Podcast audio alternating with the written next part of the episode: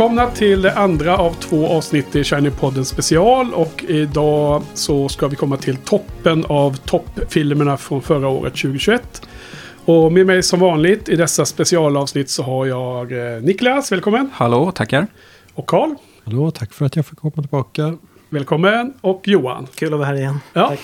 Välkomna allihopa grabbar.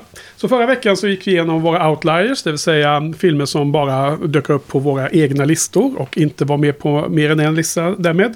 Och vi hann eh, beta av, eh, jag tror det var cirka 16 filmer totalt sett och de låg på platserna från 10 till upp till fjärde plats på era och mina listor. På min lista. Och idag ska vi då eh, behandla Crème de la Crème från 2021. Och i vissa fall, eh, eller av de filmer vi har sett. Och i vissa fall har vi då en massa osedda filmer som vi får komplettera med någon gång i framtiden. Men ja, det är så det är då. då. Så idag ska vi prata om alla konsensus picks. Som vi sa förra veckan. Så det betyder att det är filmer som dyker upp på minst två av listorna. Av de fyra listorna. Men vi har också två återstående outliers som vi faktiskt ska behandla idag. Därför att jag mm, vill ju ha med dem. Eh, Topp tre ska vara med i den här andra halvan. Så nu har jag då eh, lagt upp de här i en ordning där vi går. Det blir mer och mer starka filmer här då. mer och mer eh, högre upp i summeringen i vår- vår gemensamma syn på det här om man säger så. Ehm, Ja, och hur gör man egentligen här? Vi har pratat om det lite, tror jag, off-air tidigare. Men om det är en film är med på tre listor kontra två listor. Är, liksom, är det alltid bättre att vara med på tre listor oavsett vilka Vilken placering. placeringar man får? Låt säga att vi har tionde, tionde, tionde plats i tre listor och sen är inte med i en fjärde. Mot en film som är etta, etta på två listor men inte ens kom med på de två övriga. Vilket är bäst egentligen? Behöver Magnus och Brasse för att förklara. Nej, men, men ska det liksom... Om man tar ren poäng så, alltså, så blir det ju ettan är väl bäst då. Ja, man an, anger 11 poäng för de som inte är med på en lista. Men om man anger 100 poäng där så blir det ju Mm. svårare. Så att eh, frågan är om det första kriteriet ska vara antalet listor. Och det andra kriteriet ska vara placeringssiffra då. då. Mm, Så har jag i alla fall gått efter. mm, Rimligt. rimligt tycker jag. Vad gick du efter så kom du fram till? Att, Jag har gått efter det att först så tittar jag bara på antalet listor. Oavsett placeringar. Mm. Och sen har jag tittat inom de subgrupperna har jag tagit på lägsta möjliga medelplacering. Mm. Så, så är det. Så att just ditt extremexempel är ju... o- o- det, det kommer ju inte hända. Osannolikt. Osannolikt. det är osannolikt. Men det var är inte det. Nörderiet här med matematiken bakom Shiny Podden special. Det var en inblick här för lyssnarna i behind the scenes. Mm. Har ni några kommentarer eh, innan vi drar igång? Ja, Jag fick många tips Ja, förra veckan. eh, förra veckan. Så att, eh, ja, hoppas det blir några till. Ja, Min ska se-lista är ju väldigt kort. så det, nej. ja, den är lång ja. Mm. Men eh, generellt sett, vi som har filmbloggar kvar. Även om vi också kommenterade Johan att de håller på att bli färre och färre nu. Så vi är snart de sista dinosaurierna. Jag har alltid sett min topp 10-lista som någon form av eh, eh tillfällig, eh, så här gäller just nu. Men ser man en film eh, från 2017 som var jättebra helt plötsligt då kan man uppdatera den gamla listan om man vill. Om man orkar det. Men det är liksom inte några problem egentligen. Så att om du ser eh, bra grejer så får du in på bloggen och kolla. Ja, men då, då drar vi igång då. Och nu ska vi då först bekanta oss med, duple, duble, med filmer som finns på två listor av våra fyra. De jag kallar för dubbletterna. Och vi ska börja med några här. Eh, som jag då tycker är de som... I, jag, har, jag har inte följt det 100% för det var ett om det är outliers som är så högt upp på någons lista så fick de en liten extra skjuts uppåt här. Så att jag kommer till dem alldeles strax. Men den första dubbletten som vi idag ska hantera är då eh, att Johan ska presentera sin åtta som också är Karls nia. Mm. Och detta är också en film som nominerades eh, till bästa film bland annat och tre andra nomineringar i Oscar. Så att den var också en av dem som var omtalad. Ja, Johan? Ja, det är ju faktiskt eh, Guillermo del Toros uh, Nightmare Alley. Uh, som jag tyckte var väldigt bra. Det bygger på en roman från 1946 med samma namn. och det gjordes faktiskt en film året efter där, 1947 också.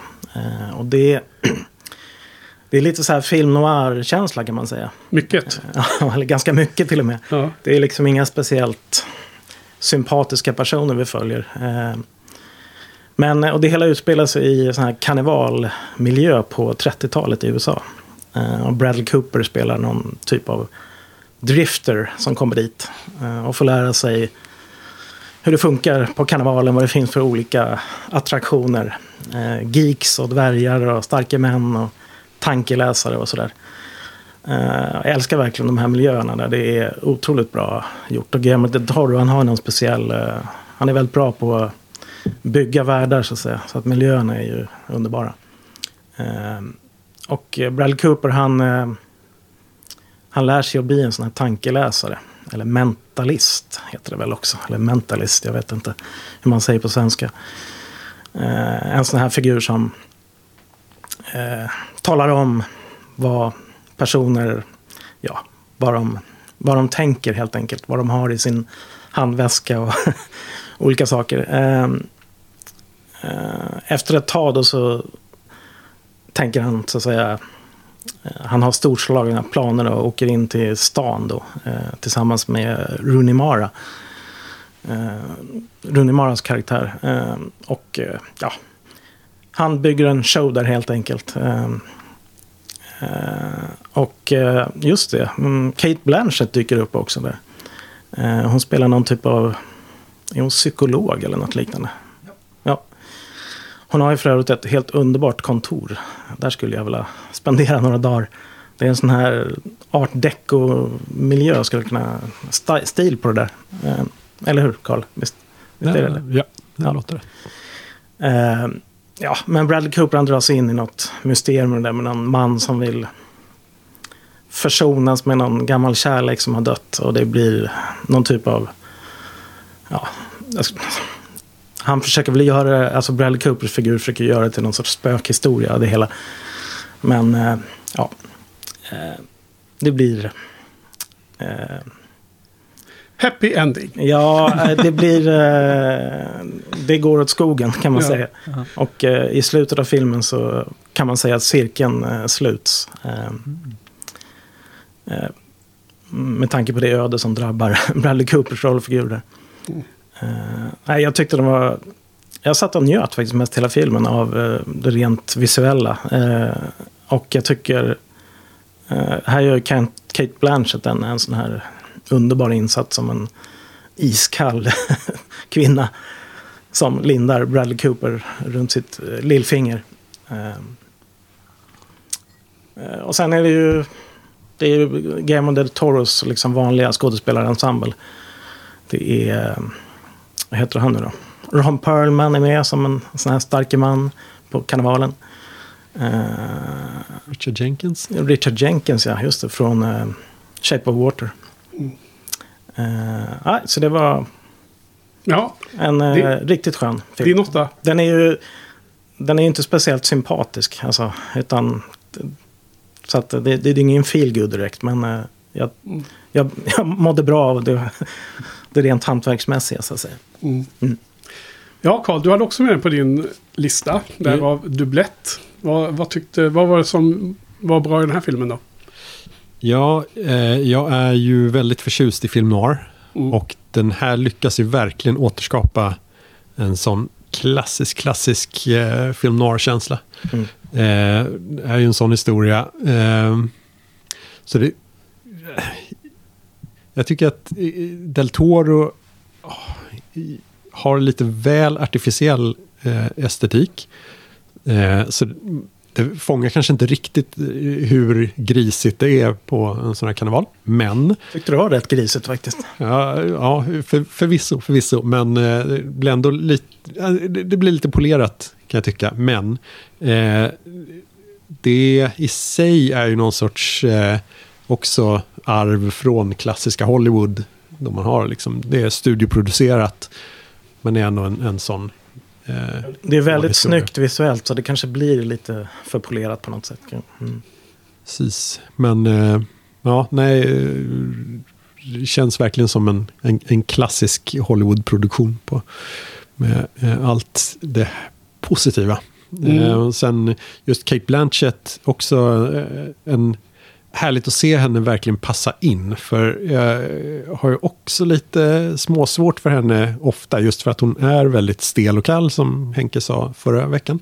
Um, och då passar hon perfekt in som en sån här rejäl femme fatale. Mm, ja. Femme fatale, ja. Passar in där. Har, har, du sett den här filmen Niklas, eller? Nej, den var på planeringsstadiet, men uh, tyvärr. Ja. Del Toro har varit lite ojämn, tycker jag. Mycket rätt. sina filmer, så mm. ja, kunde inte prioritera denna. Nej, rimligt. Sen, Sen var det väl fiasko i marknadsföringen. Ja, ja. Att den heter Nightmare Alley och han tidigare har gjort lite mer skräckbetonat. Man förväntar sig att det ska vara något sånt. Ja, jag trodde det var en skräckfilm. Ja, precis. Det var det ju inte alls. Jag, jag såg den då. Jag, jag, var inte så förtjust i den. Jag var inte i närheten av någon uh, bubblarlista. Men uh, jag, lite som du säger där Niklas. Jag tycker att... Uh, jag undrar egentligen, har han gjort någon bra film? Eller han gjorde ju den här uh, Pan. Någonting, Pans labyrint. Pans labyrint ja. är ju hans bästa. Ja, precis. Den var ju som en uh, gut punch. Liksom. Man var ju helt uh, som en liten blöt fläck efter den mm. filmupplevelsen. Men efter det har man bara gått på, på ryk, sitt rykte, eller? Alltså jag tycker den första um, Hellboy är ju faktiskt rätt underhållande. Jo, oh, det är en sån typ av film. Ja, ja alltså du, det, det, är ju inte samma nivå som... Du har en poäng där tror jag. Att eh, han, det har inte varit mycket som varit jättebra. Vad hette den där skräck eh, när de var i ett gammalt gotiskt hus? Oh, vad dålig Crimson, Crimson, och Crimson Peak. Den var ju väldigt slätstruken ja. tycker jag. Ja. Men jag, jag, är nyfiken ändå på den här. Jag ska se den. Shape of Water hyfsad. Vann inte den Oscar? Jo, den vann Oscar för ja. bästa film. Nej förresten, jag tyckte den var, jag tyckte jag den var bra. Den var jättedålig. Nej, jag tyckte den var bra faktiskt, ja, kom jag på nu. Uh, sen har han gjort de här Pacific Rim och det är ju liksom bara... Ja, det är också en sån där film. Tjaha. Mm. Ja, uh, nej men jättekul att ni båda fick med den på listan i så fall. Bra tips för folk. Uh, jag gick in med hyfsat uh, orimligt höga förväntningar, inser jag nu själv, som jag nu själv står och säger att jag inte uh, finner så många bra i hans... Nej, men jag tyckte, jag vet inte riktigt vad det var som inte klickade. Jag håller med om att Kate Blanchett var kanske den eh, mest intressanta att se. Precis som var i den andra filmen. um, Galadriel och uh, Bradley Cooper tyckte jag gör nog den här rollen så man ska göra den. Men han liksom han, man får inte det som han är bra på. Jag menar, ja. Det är lustigt för det här var faktiskt första gången jag noterade att fan Bradley Cooper han är ju riktigt bra. Ja, men eh, ja, fasen Karl, Star is born liksom. Ja, ja, visst. Tusen gånger bättre än den här filmen. Förvisso, förvisso. Men eh, det är ändå... Alltså, han är ju väldigt övertygande som en eh, eh sån... Lösdrivare. ja, opportunist. Som, precis. Opportunist som eh, helt eh, kan skärma sönder folk. Ja. Och eh, lura folk med ja. Ja. karisma. Um, Visst var det lust? Fast, ja, ja, fast jag kände inte att han gjorde det. Så det var kanske det som det klickade för mig. Eller inte klickade rättare sagt. Och sen är jag också notorisk för att jag har lite svårt att, att komma in i film noir. Uh, det finns ju förvisso film noir-filmer som jag tycker är jätte, jättebra. Men det är inte den här en av de genrerna som jag verkligen dras till och verkligen alltid gillar. Bara för, jag, jag köper det du beskriver Johan, men det är liksom inte så att det, mm, nej, det betyder eh, starka... Men, ja, film noir är speciellt. Det är, det, ja, de är, de är lite Det är lite taggarna ut på, på de Ja. filmerna på något sätt. Och nu när jag ska stå och prata om det här, nu ska jag vara lite gnällig här, men det slår mig faktiskt att precis som när det gäller The Card Counter så kan jag tycka att det fanns scener, de här setup-scenerna precis i början av filmen, behövdes inte ens. Eh, Det är som en övertydlighet i film, eh, filmmakarens oro att, att publiken inte ska kunna förstå karaktären. Du tänker, det finns ju någon typ av bookend-scener med Bradley Cooper Ja. i ett hus. Nej, ja Nej. precis. Ja. Den Ja, första scenen helt Som, enkelt. som känns väldigt onödiga, håller jag helt med om. Särskilt när det återkommer på slutet och förväntas vara någon sorts eh, stor förklarande till vad som Ja. har hänt. Och det är så här, jo men ja, visst, det Ja. har vi ju vetat halva filmen. Ja. Eh, så ja, det, det, jag håller med om att det finns tydliga brister i historieberättandet. Det är en hel del som eh, ja, är onödigt utfyllnad.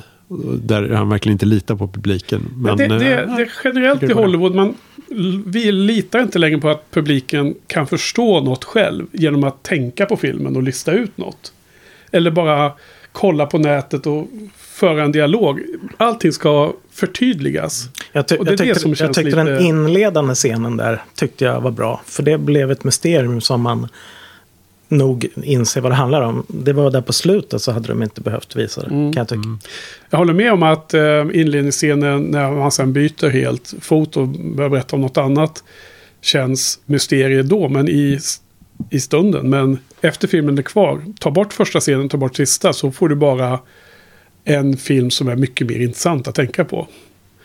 Eh, då känns det som, i efterhand så känns det som att även inledningsscenen är bara waste. Liksom. Det, alla gamla klassiska filmer som man har diskuterat i 50 år, eh, Blade Runner allihopa, de, är de diskuteras ju just för att man inte får se allting övertydligt. Så Ja. därför det finns någon anledning att, att liksom hänga sig kvar och fundera på filmerna. Ja. Men tänk om man skulle ha mm, polischefen där i, i eh, Blade Runner ska hålla på och exakt eh, förtydliga om, om Deckard är en replikant eller inte.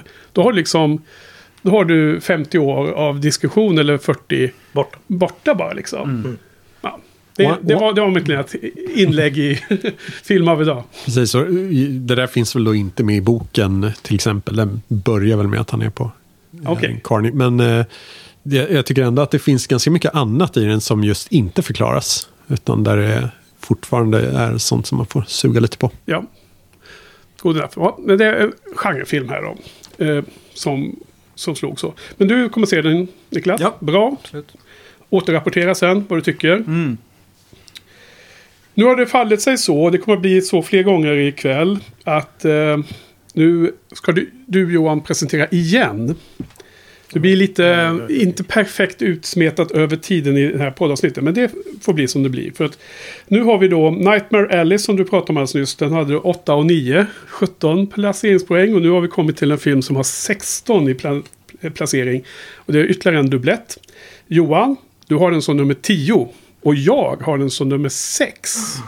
Borde ju du kanske presentera. Ja, men det, med nej, gästerna måste få chansen att eh, höras här så mycket som möjligt. Så du får presentera den, men sen ska jag lägga till vad Ja. jag tycker. Eh, ja, det här handlar ju då om Daniel Craigs sista Bond-film. Eh, no time to die. Ja, Eh, och eh, jag hade glömt skriva upp vilken var regissör. Men jag tror det är han Cary Fukunaga heter han va? ja. Som det har varit lite rabalder om nu på sistone. Lite cancellerad tror jag. Men det var han som gjorde True Detective säsong 1. Eller alla har han varit med som producent, men framförallt säsong 1 gjorde han ju. Ja, Och så har han gjort en film som heter uh, Sin Nombre tror jag. Om okej. eh, Ja, kna- det. knarksmuggling. In- ja. Mm.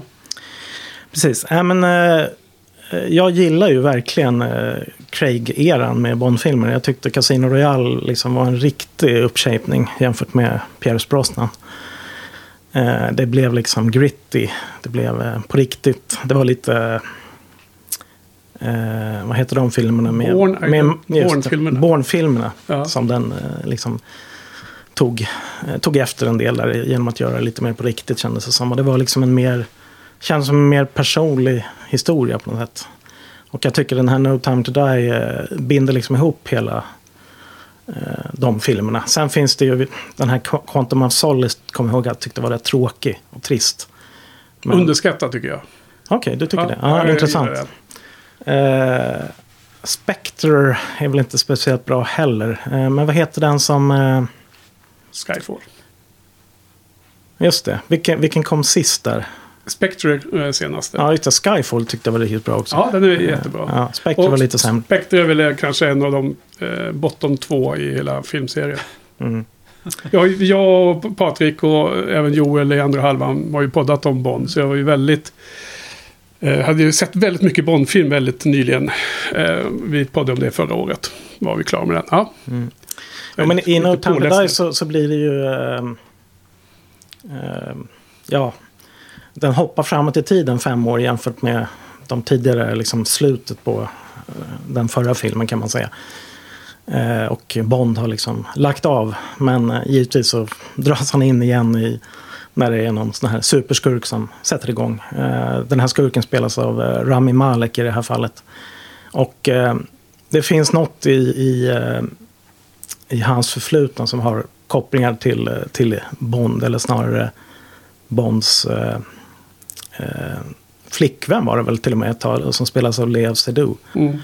Eh, så att återigen här tycker jag att, att det känns som att det, det är liksom inte... Det kanske är alltså världen som, som står på spel, men det är även liksom personliga saker för Bond. Jag vet inte, är det... Det känns lite ovanligt, men eh, det kanske har Ja, förekommit i det har ju förekommit tidigare. Eh, Timothy Dalton, andra filmen Ja. där är ju väldigt personligt orienterad när han eh, hoppar av och sådär. Mm. Även den här, vad heter den nu då, med... Hennes Majestät. Ja, där, där var han den här eh, som bara spelade Bond en gång. Ja, ehm, Lazenby, George Laser, Lazenby. ja, ja, är det inte lite så i den också? Absolut. Ja. Och jag tycker det, det gör väl, jag tycker det gör filmerna bättre faktiskt. Ja. Eh, och så var fallet här också. Eh, jag tycker eh, de här miljöerna som det är liksom London, det är Kuba, det är Norge Ja, med snö. Snö på film, det är alltid bra. ja. Det, är det. Det, det är en eh, sen gammalt Johan eh, Joinito eh, sanning. Ja, det är alltid, jag noterar alltid snö. Och tåg är bra och snö Ja, är bra. snö. Och matfilmer. Ja, matfilmer. Ja. Ja. Eh, sen är det med Italien också, har en ja, häftig biljakt bland trånga gränder Mm. som funkade riktigt bra.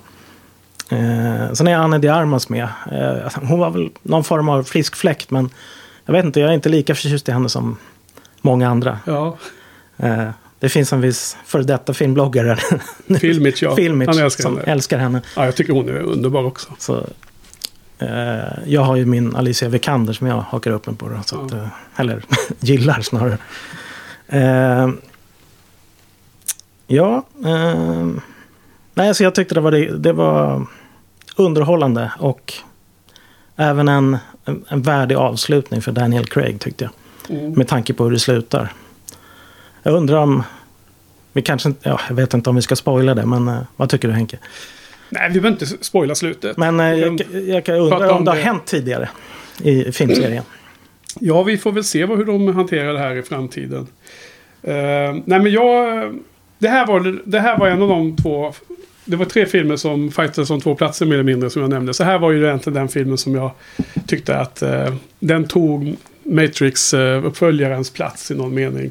Och det här, den här har gått ut och in på min lista och till slut hamnar den på plats sex. Mycket på grund av att... Alltså jag, jag skrev i min eh, text på bloggen, om jag börjar med det här citatet som jag eh, skulle ta upp här. Då börjar min text så här. Fasen, jag var faktiskt ganska trött på Bond när jag gick in till biovisningen av den nya Bond-filmen. Vi hade poddat om det, det hade varit väldigt mycket arbete runt det, massor med läst på i bak, eh, behind the scenes, sett alla filmerna igen, pratat om det, klippt allting och så vidare. Det, så jag var färdig med Bond och färdig med Craig också. Stor besvikelse med Spectre, en av de allra svagaste i hela serien. Och, men man gick ju på filmen bara för att, jag menar, ja, det var väl, jag får väl gå och se den då, då. Och sen blev jag så otroligt positivt överraskad. Så att egentligen- den starka känslan var det som till slut gjorde att filmen eh, kom. Eh, den övertrumfade till och med Matrix-filmen i, i liksom... Eh, den positiva överraskningen.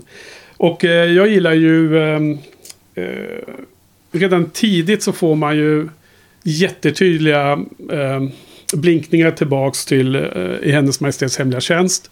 Med både musik och kommentarer och handling. Och då börjar man nästan ana att den här ska som erbjuda något annorlunda. Och som du är inne på är det, det personliga perspektivet mycket viktigare för att filmen känns bra än själva skurken och det här hotet ja. mot världen. Och nu då han har gått igenom Bond-serien så noggrant så kan jag säga att trots att man när man växte upp och tyckte att alla gamla Bond-filmer hade massor med bra skurkar så har det visat sig att nu i vuxen ålder så har jag inte riktigt uppskattat skurken så ofta utan det är andra aspekter som man gillar med Bond. Och jag tyckte den här gången var skurken jättesvag. Det var helt blekt och så. Eh, även den här eh, nya 007 tycker jag var otroligt dåligt castad. Någon svart kvinna som jag tror, eh, som var med i Card Counter va? Nej? Nej, det tror jag inte. Nej, det var det ju inte. Nej, det var en annan film då. Ja, men, men hon var ingen bra alls. Men det var ju Anna de Armas den, den lysande stjärnan. Det känns som att henne vill man se mer, mer Bond-filmer. Ja. Bond-världen. Har jag drömt eller ska det bli någon sorts spin-off med henne? En spin-off-film? Jag tror det diskuteras i alla fall. Jag har sett också ja, en sån. Ja. Mm. Jag, jag, måste säga, jag tyckte faktiskt uh, kemin mellan den här nya 007 och uh, Bond, jag, jag tyckte den var bra. Så att, ja, jag, jag, vet inte, jag tyckte inte alls att det funkade väl. Men, men sen så funkade däremot kemin mellan Bond och eh, Lea Seydoux mycket bättre. Mycket bättre i den här filmen än i Spectre, vilket var väldigt lustigt. Inte lustigt, utan jag använder ordet för ofta, utan eh, intressant om man säger så. Mm. Lustigt betydelse interesting. Um, och sen så är det ju en uh, tonalitet, en... Uh, det är ju ingen lycklig film. Det är ju inte en uh, glassig Bondfilm alla Roger Moore. Utan vi har ju, vi har ju mer Timothy Dalton. Eh, det är nästan orepresenterat i Bond-franchisen den feelingen den här filmen hade. Så att i slut, summa summarum är att jag tyckte att det var um, top of the line. Jag tycker nästan det är topp fem av alla Bond-filmer. Kanske, ja. kanske ännu högre. Så som jag känner. Så jag eh, tyckte att den, plats sex. hade sina svagheter, vissa delar, men den emotionella impacten när eh, regissören ville att man skulle känna saker funkade 100% på mig. Vi pratar om olika personers öden i filmen, mer än en person. Så att det funkade för mig. Jag vet att det, det är, går inte hem alla läger. Folk har varit neggiga med och ja, jag köpte med hull och hår. Så, mina herrar, har ni sett filmen? Självklart. Ja, ja vad tycker ni då? Spännande. Eh, riktigt, riktigt bottennapp. Ja, eh, ja alltså, jag, det ser man. ja, precis. Det, jag, har ju ogillat alla Craig-filmerna i olika grad. Eh, allt det där som Jojje säger om att de eh, gjorde det mer gritty, ja. försökte eh, eh, göra Born... Bonifiera. Precis göra det mer personligt. Allt det där är sånt som jag absolut inte vill se i Bond-film. Det vill du inte se i Bond, nej. Då är det inte Bond längre.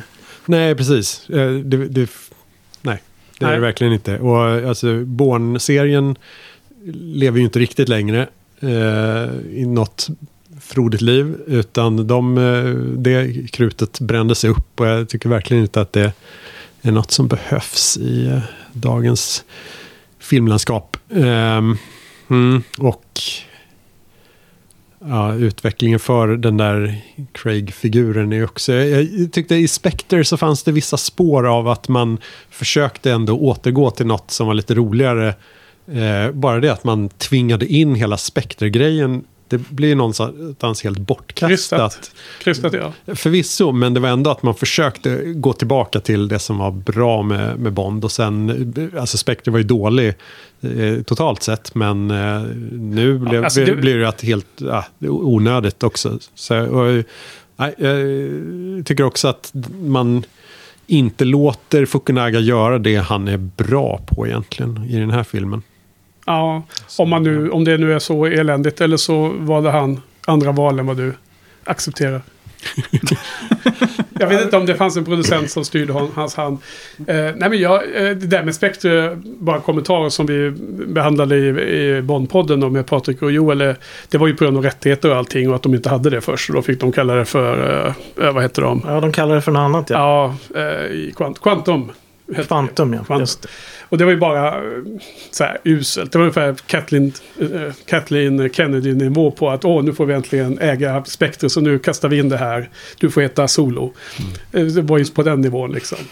Eh, men, eh, eh, och sen så tyckte jag också att jag, eh, var en annan kommentar att så eh, intressant att du, alltså för, för mig är ju Bond inte en homogen figur. Utan för mig är det eh, väldigt präglat av den skådespelare som spelar Bond.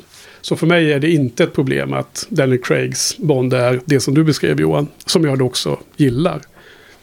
Så, eh, Ja, jag tänker mer att den är mer präglad av tiden, sin Ja, samtid, mer, mer än skådespelaren. absolut. Och eh, då är ju samtiden eh, så mycket tråkigare än eh, 60, 70, 80, 90-tal. Ja, Det- ja. Ja, Nej, det är ju men- samma som eh, Nolans Batman-filmer.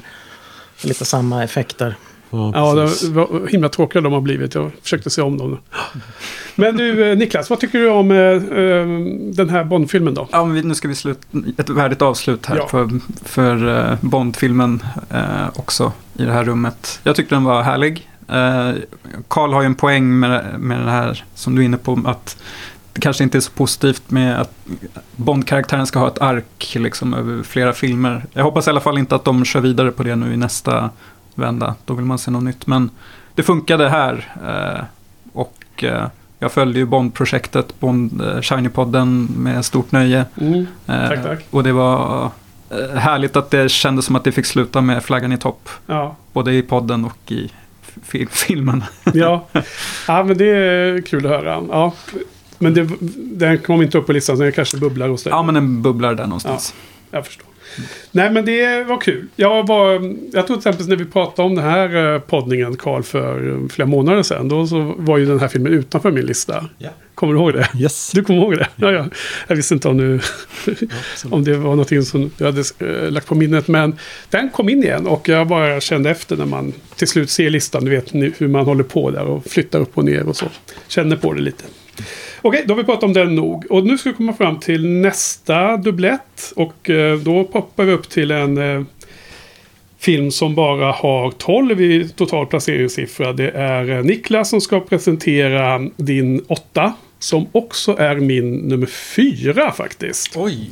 Så nu får du berätta så ska jag fylla i sen lite. Ja, underbart. Ja, men, eh, vi nämnde ju Blade Runner här för så länge sedan. Eh, mästaren är tillbaka. Ridley Scott. Han gjorde två filmer. Eh, och jag antar att ingen har med House of Gucci på sin lista. Men det vi ska prata om är ju såklart The Last Duel. Ja. Det är fler, skakas på huvudet här inne i studion. Sina håll. Jag har sett fram emot det här. Ja. Höra vad folk ska tycka. Nej, men det är ju ehm, som sagt, det känns lite som att Ridley Scott, i, han försöker ju återskapa, eller han har försökt länge återskapa succén med Gladiator med så här, liksom ett episkt, eh, en episk film helt enkelt från forna tider. Och det har väl varit eh, både bu och bä där med eh, Personligen tycker jag att Robin Hood är kanske hans tråkigaste film. Men sen så finns det ju... Verkligen. Riktigt bra tycker jag. Och där ser man. Jag håller helt med dig Niklas. Men sen finns det ju många som uppskattar... Oh, nu tappar jag namnet. The Last Crusade, heter den något med den? Med Orlando Bloom. Kingdom of Heaven. Kingdom, Kingdom Heaven. of Heaven heter den. Den är också bra. Ja, den ska vara, ha en bra uh, Directors Cut, Mm. har jag förstått det som. Den har jag Tydligen. inte sett. Men här, The Last Duel, det är ju då ett, en händelse ur tre olika perspektiv. Um, det finns ju namnkunniga skådisar här med Matt Damon och uh, Adam Driver och Ben Affleck. Um, man behöver inte säga så mycket om själva händelsen, men det, man kan väl konstatera att det, det är nog en film som är ganska lätt att göra sig lustig över. Allt från roliga frisyrer till eh, Ridley Scotts eh, uppvaknande kring metoo eh, och att han ska kommentera det nu. Och möjligtvis att man blir skriven på näsan här och där, men jag tyckte det var underbart ändå att se, se den här eh, episka eh, historien. Och att alla, det känns som alla verkligen gick för det. Mm. Med liksom, de fick ju skriva lite sina egna manusdelar, eh? Matt Mhm. Damon och gänget då, liksom, för att sätta sin egen prägel. Mm. Ehm, och eh, ja, men det är liksom Ben Afflecks överspel är, har man ju liksom längtat efter. Utan att veta om det. utan att veta om det. Ja. Helt underbart. Ehm, ja, Ja, men jag kanske stannar där. Jag, Mm. jag var positivt överraskad att Ridley Scott fortfarande känns som att han vill någonting. Mm. Ja, alltså jag eh, har ju den här på plats fyra då, men eh, jag ville att eh, gästen här skulle få eh, ta, ta till orda först. Men eh, tala om positiv överraskning. Eh, alltså jag har ju den bilden av, det här var hans 26 film om jag räknar rätt på IMDB. Och jag tycker att det verkar som att han nu eh, efter väldigt många hittar i början liksom av sin karriär att han är väldigt beroende av bra manus. Så att han är Ja. väldigt så här on-off liksom. Att varannan film är bra. Liksom The Martian och lite andra sådana här som varit nyligen. Eh, och andra är liksom, känns som bara en paycheck. Att han bara liksom sover sig igenom. eh, jag vet inte alls vad, om, han, om det här var liksom typ metoo han, han ville lyfta den för. Eller om det fanns annat i det här då. Jag menar, strukturen som sådan som du beskriver, den här Rashomon-grejen som Kurosawa gjorde redan på 50-talet eller när det var. Där man får se samma brott beskrivet ur eh, en, eh, en tredje, eh, alltså eh, någon som råkar se det. Sen då den, den skyldige och sen då offret eller något liknande. Va? Här har man då tre olika perspektiv helt enkelt. Och jag tror att jag hade samma typ av upplevelse av filmen som du beskrev med eh, The Power of the Dog. Att jag, jag liksom, när man fick se Matt Damons version först så tyckte jag att det bara malde på. Var liksom, var ganska så här ljummet intresserad. Och sen så helt plötsligt får man se samma. Och han får också liksom, som Sofia skrev eh, på eh, tryckta ord och rörliga bilder, eller vad heter den? Rörliga bilder och tryckta ord. Ja. Sofia skrev i alla fall att han, Matt Damon får ju ploga. Och så blir det en, lättare och lättare för de som åker efter. Och när man sen får se eh, Adam Driver, Drivers version så är det ju... Då börjar intresset stiga hos mig. Sen får man se till slut Jodie Comer som spelar frun till Matt Damon där. Så blir det bara bättre och bättre och bättre. Och jag, jag tycker att det är en ganska lång film. Men jag tycker slutet är ju så otroligt bra alltså. och eh, det är givet då att det här är ju ett historiskt drama som är väl dokumenterat. Det är den sista eh, statligt eh, godkända duellen som ska avgöra en tvist eller avgöra ett eh, rättsfall. Och det är konungen i Frankrike, det är slutet 1300-tal. Det är jultider. Han bestämmer att Eh, han beskrivs ju som en ung eh, blodlysten som bara vill se eh, riddarna slakta varandra. Han bestämmer att det här rättegången ska avgöras i trial by, by combat. Och det finns massor med folk som har skrivit ner vad som händer runt det här. Så att jag tycker att det är extra spännande att se den här filmen. Veta att det finns dokumenterat liksom hur det gick till. Och eh, eh, avsluta med vad jag då skrev i slutet på min eh, blogginlägg. Mitt citat här. Eh, är du redo Karl? Sån här preemptive strike här till dig. Jag tror att om man är fullt investerad i karaktärerna när slutet och rättegången närmar sig kommer man gilla denna film. Jag, jag tyckte i alla fall att slutet var horribelt spännande. Vilken ångestkänsla! Utropstecken. Slut. Nej, så det här var sån jäkla... Tala om att vara förflyttad i tid och rum och eh, nästan vara helt svettig när filmen var slut. Och det, det är den typen av filmupplevelse man söker. ju. Och det är skitsamma liksom hur vägen dit var. Det var den, den eh, sista halvtimmen som eh, jag lyfte så högt upp i min lista. Härligt. Ja, eh, Johan, du, har du sett den? Nej, jag har inte sett det. Nej. Nej. Är du sugen? Ja, absolut. Ja. Men, Karl, jag vet att du inte är så positiv till den här. Nej, precis. Det här var ju årets stora kalkon. Den är... eh, Nej, men ni har ju lyft fram lite, Niklas lyft särskilt fram vissa av svagheterna, men alltså bara rent... eh, Mm, om, om jag var skeptisk till amerikaners förmåga att göra Shakespeare så är ju alltså Ben Afflecks förmåga att göra fransk 1300-tal Ja.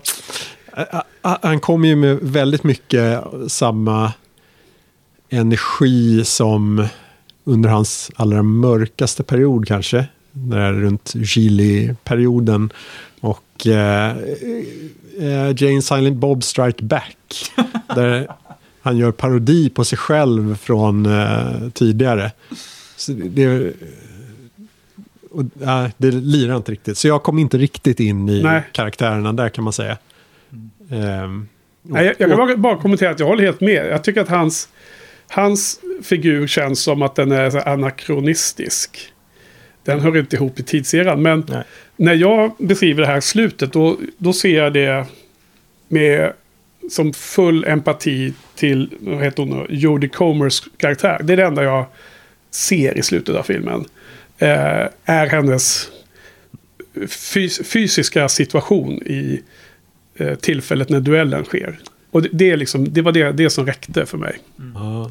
Ja, för jag kände ju också att man vill inte höra Ridley Scott kommentera på metoo och med manus av eh, Matt Damon och Ben Affleck. Det, det behövs inte.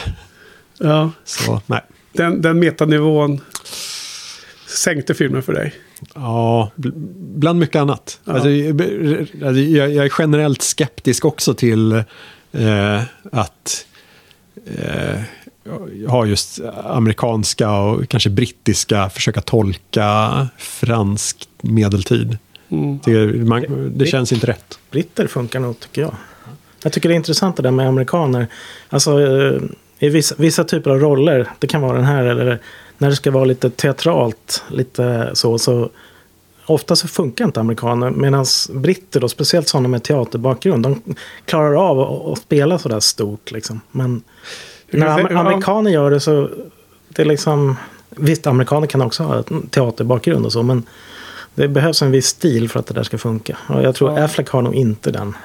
Nej, alltså det, det där eh, bryr jag mig inte alls om egentligen. Eh, I den här filmen så eh, tänkte jag inte alls på en sån svaghet i det hela.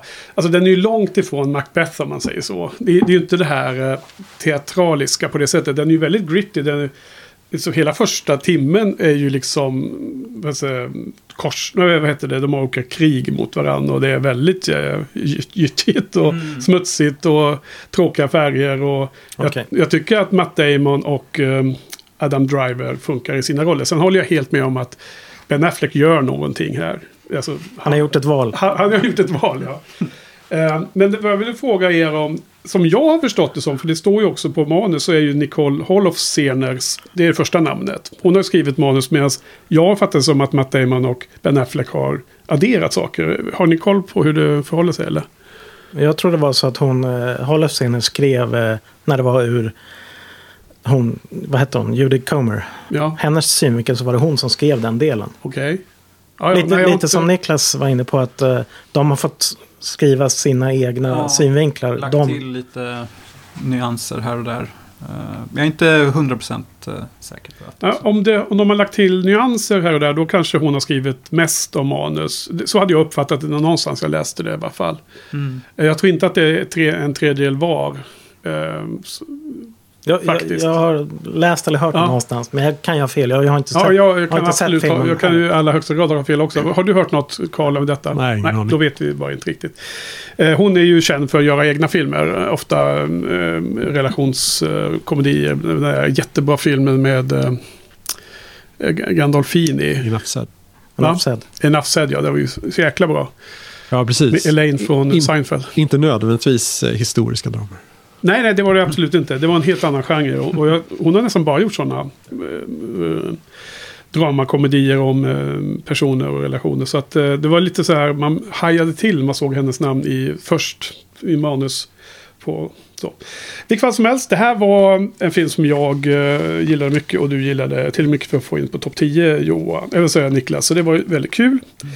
Så då, då har vi diskat av de eh, tre första dubbletterna som eh, ändå kom lite längre ner på listorna. Nu så ska vi då premiera de sista två outliers.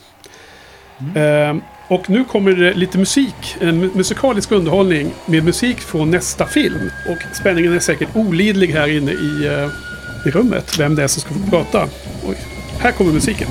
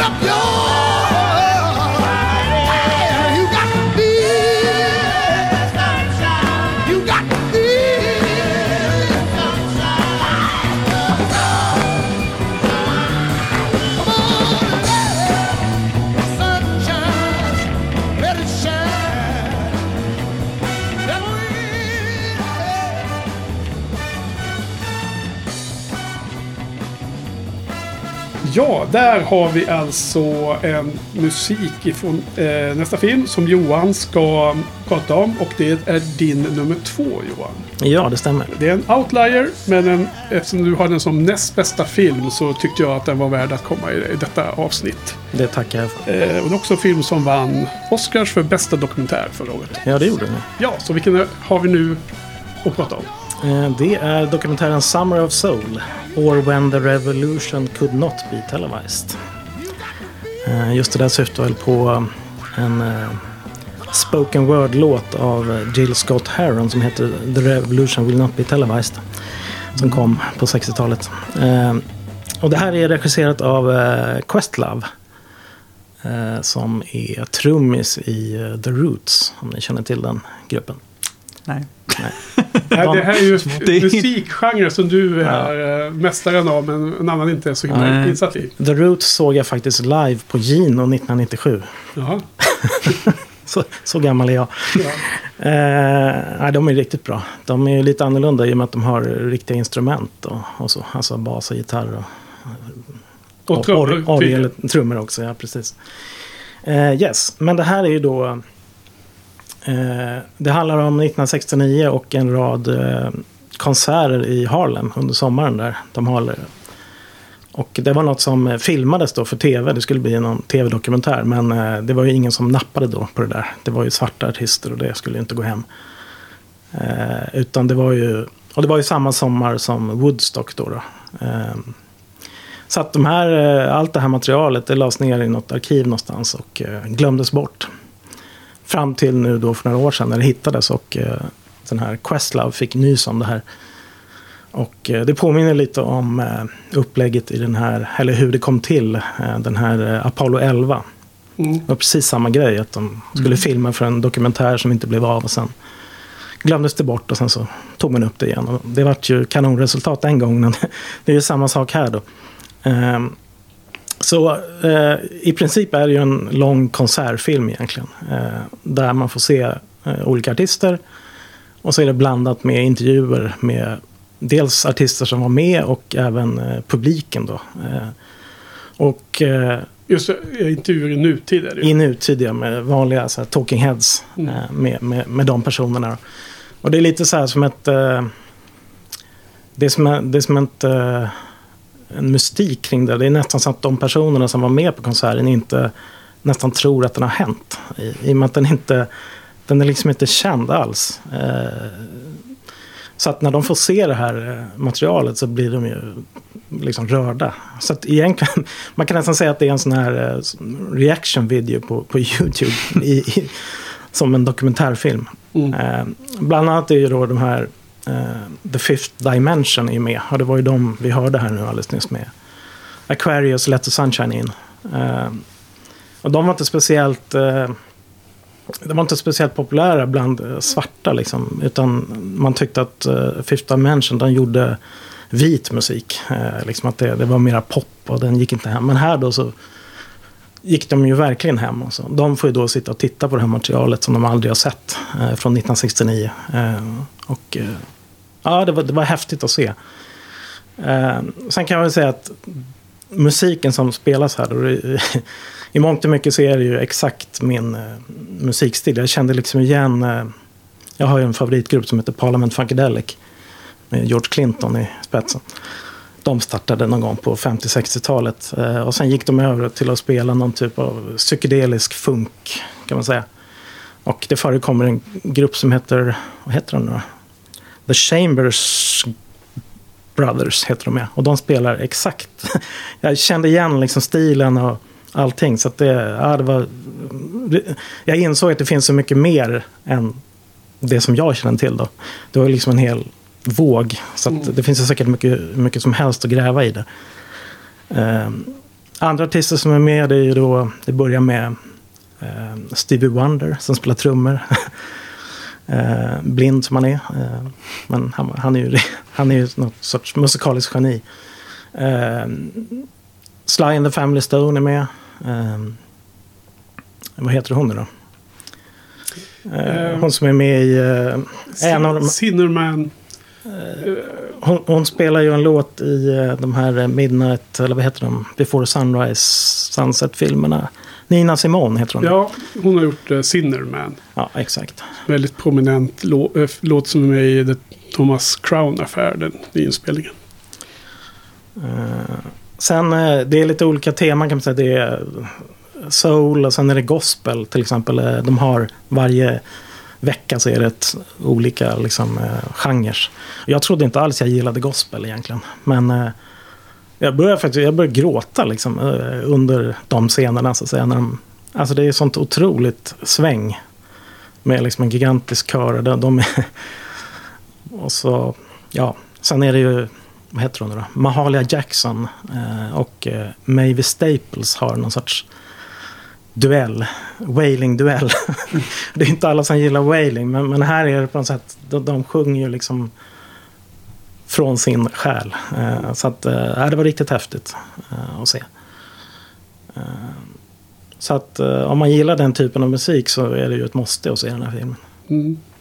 Ja, och vi- avslutade ju förra årets topplistesnack om blicka framåt. Då, då sa ju du att du hade redan sett den här filmen. För att du såg den förra året innan vi poddade då för 2020. Exakt.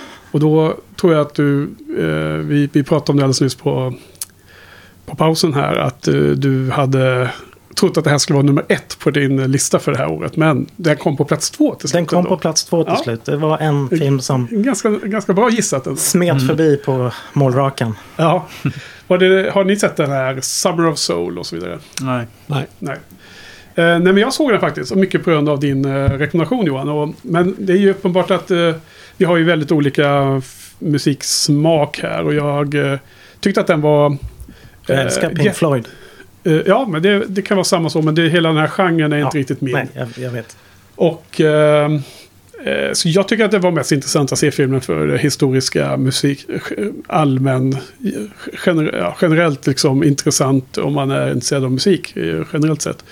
Och att hela den storyn om att, man, att det aldrig blev no av något. Jag, jag tror att den blev totalt överskuggad av Woodstock. Ja. Och sen kan man ju lägga eh, på liksom, ja, hur pass mycket rasism och sånt det fanns i allt det där då. Men det är svårt att bedöma.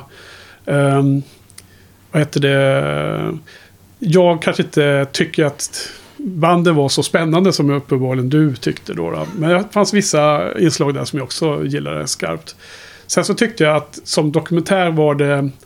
Det var väl det bästa han kunde göra av det som fanns. Men det är en helt statisk kamera och ganska sunkigt inspelat. Eh, Det var väl inte Ja, det var gjort top tv. of, det var inte top of the line produktion liksom. Nej, du menar de autentiska bilderna vi får se? Ja, från konserterna liksom. Ja. Och det är ju väldigt mycket. Det är, det är en lång film det här. Ja, ja. Rejält lång. Eh, Så att eh, jag tyckte det var helt okej. men eh, Men det, ja, det var det jag tyckte var lite intressant. Att det, var, det kändes att det var en, ett liksom tv-inslag ja, på något sätt. Men det, ja, från 70-talet. ja. Det var ungefär den kvaliteten det var också. Liksom, Ja, som jo, tänkte det- sig något gammalt inslag. En liten detalj som jag störde mig på det var att eh, exakt samtidigt som konserten ägde rum så eh, hade man landat på månen. Det var i juli 1969 det här. Eh, och då frågade reportern då liksom de, publiken liksom, ah, vad tycker ni om månlandningen? Häftigt, eller hur? Och då ska de säga, jag, jag bryr mig inte alls, liksom. det där är inte vår grej. Liksom. Det, det är helt ointressant. eh. Ja, så det är liksom, man dissar liksom månlandningen och hela den bedriften. Och det gillar du också ju. Ja, apropå, apropå Apollo 11. Ja. Så, så att jag tyckte det var lite dåligt. Det är liksom, två bra saker tar väl inte ut varandra. Liksom. Så jag Jag vet inte. Men det, det, Det var väl- jag, jag kommer ihåg det, men det var som framställs lite som att den svarta befolkningen tyckte att det var något som de vita höll på med och därför var det inte intressant. Så Ja. det var också att man fiskar lite efter att eh, göra en politisk grej av det hela också, väldigt mycket. Eh, Men jag Ja. menar, eh, det var ju så personen som blev intervjuad svarade. ja. Jo, jo, men de har ju valt att lyfta fram det. Så. Nej, exakt. Det är också det. Ja, nej men eh, så att jag hade, jag såg den och tyckte att den var okej. Men det blir ju väldigt olika upplevelser. Vad, vad du. Eh, någon mer kommentar från er? Kom, kommer ni? Du? Jag är ju musikintresserad så jag borde ju ta mig an den här. Men det är inte riktigt min genre heller, tyvärr jag är. Ja, det, det, det, är liksom, I och för sig, det finns flera genrer här. Det är lite blandat. Eh, men eh, ja, Det är mycket gospel. Liksom. Bara köra. Blev du lite provocerad av eh, beskrivningen av riktiga instrument? Ja. Ja. Okej, eh, nu ska vi komma till, vi går vidare till nästa film. Och då har vi min tvåa. Och det är den eh, sista outliern då. Så att eh, jag, som nummer två har jag en film som heter Come On, Come On. Mm. Ehm, är det någon som har sett den? Nej. nej, Nej. känner till. Inte? Fasen, då kan jag ju säga vad jag vill här nu utan bli eh, ifrågasatt. Nej, men eh, det, regissören heter ju Mike Mills. Um, med den här filmen med eh, Joaquin Phoenix i huvudrollen. Känner ni till filmen? Ja. Svartvit. Absolut. Eh, han har gjort lite filmer. Jag har visat sig att det, det är hans fjärde film och jag har sett hans filmer tidigare visar det sig. Han har gjort Thumb Sucker som jag såg på filmfestivalen. Sen har han, sett, han har gjort den här Beginners som jag tyckte var ganska svag. Och sen har han gjort den här 20th Century Women. Och det här är ett drama eh, om två vuxna eh, syskon, en broder och en syster. Och eh, hennes son då, eller Joaquin Phoenix systerson. Och eh, han egentligen ska vara, eh, ta hand om sonen en liten tid som hjälp. Systern måste åka iväg på ett eh, ärende eller en vik- viktig sak. Och så är det liksom den här eh, vuxna mannens connection med sin systerson. Och det är liksom en slags, ja du kallade det för hängfilm tidigare va? Hängfilm. Och roadtrip skulle jag kalla att det här är. Utmärkt. Ehm, och jag bara... Alltså det är otroligt varm film. Men som egentligen handlar också om längtan och sorg under ytan. Antagligen beroende på hur man tolkar det. Men det var vad jag upplevde. Eh, jag försöker hitta filmer att jämföra med. Jag har gjort tidigare här ikväll. Eller igår. Förra veckan. Eh, The Skeleton Twins har jag för mig hade en liknande vibe. Åtminstone vissa delar i det. Det här är en film som man har... Joaquin Phoenix är en skådespelare som jag nästan alltid tänker själv att jag inte riktigt gillar honom. Men nästan varje gång man ser honom så gillar man honom. Uh, det här är liksom ungefär samma nivå med Her. Som jag också tyckte han var jättebra. Och jätte medmänsklig i sitt skådespeleri. Och det är här, här igen. Det här är inte liksom The Master. Den filmen kan man inte, det kan man glömma helt. Här är något helt annat. Ehm, och ehm, jag har två citat från min text om den här filmen som kanske förklarar lite hur jag upplevde den. Citat ett är så här. Ibland säger man att konst skapas i betraktarens öga och det är sannerligen sant för dagens film. Och lite senare skriver jag så här. Eh, filmen kröp på mig långsamt men till slut kände mig omfamnad och välkomnad som endast riktigt personliga filmer kan få mig att känna. Så att det här var verkligen en film som eh, resonerade med mig och var, var man befinner sig i livet nu och sådana såna saker som är svårt att gå in på i detalj. Men eh, Phoenix super och det här eh, unga barnet som spelar pojken, Woody Norman. Alltså, sensationellt bra. Jag kan eh, tänka på Filmic igen och hälsning till Johan. Han brukar ju alltid lyfta om att, eh, att det är så vanskligt med barnskådespelare. Han är så skeptisk till det. Här var ett sånt fall där det verkligen funkade. Så att, superfilm. Det blev två hos mig, Oj, helt enkelt. den står på listan, på min lista. Eh, Efter det, det här Nej, eller innan? Den stod innan. Ja, vad bra. Ja. Ni då? Något ni är sugna på? Ja, absolut. Den stod på listan. Det var synd att jag inte hade sett den för det hade jag säkert också haft med den. Kan jag tänka mig. Det fanns potential där. Ja, det är synd när jag har slaktat alla dina andra val. ja. Får hoppas att du gillar den om du ser den. För det, jag tycker att den är värd. Mm. Ja, jag ska se den också. Jag har inte sett någon av hans andra grejer. Dock. Nej. Jag tycker den här var... Lev, han levlat upp här nu då. Mm, mm. Sin fjärde film. Den förra var väldigt bra också. Ja, men den inte ens närheten för mig. Men det är som sagt. Det kan det lika gärna varit om jag har sett filmen tre dagar senare så har det kanske varit en helt annan upplevelse. Det, det är det här med hur pass mycket blev man indragen. Mm. Okej, då ska vi gå vidare här då. Då kommer vi till den allra sista dubbletten på våra gemensamma listor. Och anledningen till att jag liksom skiftade ordning lite här är att det här är faktiskt Eh, den har en, en speciell, eh, väldigt hög eh, placering på dubbletterna. Och vi ska eh, alldeles strax prata om det här, men nu ska vi ha lite musikalisk eh, underhållning som leder oss in i den här filmen. Så det kommer musik från nästa film som kommer här nu. Mm.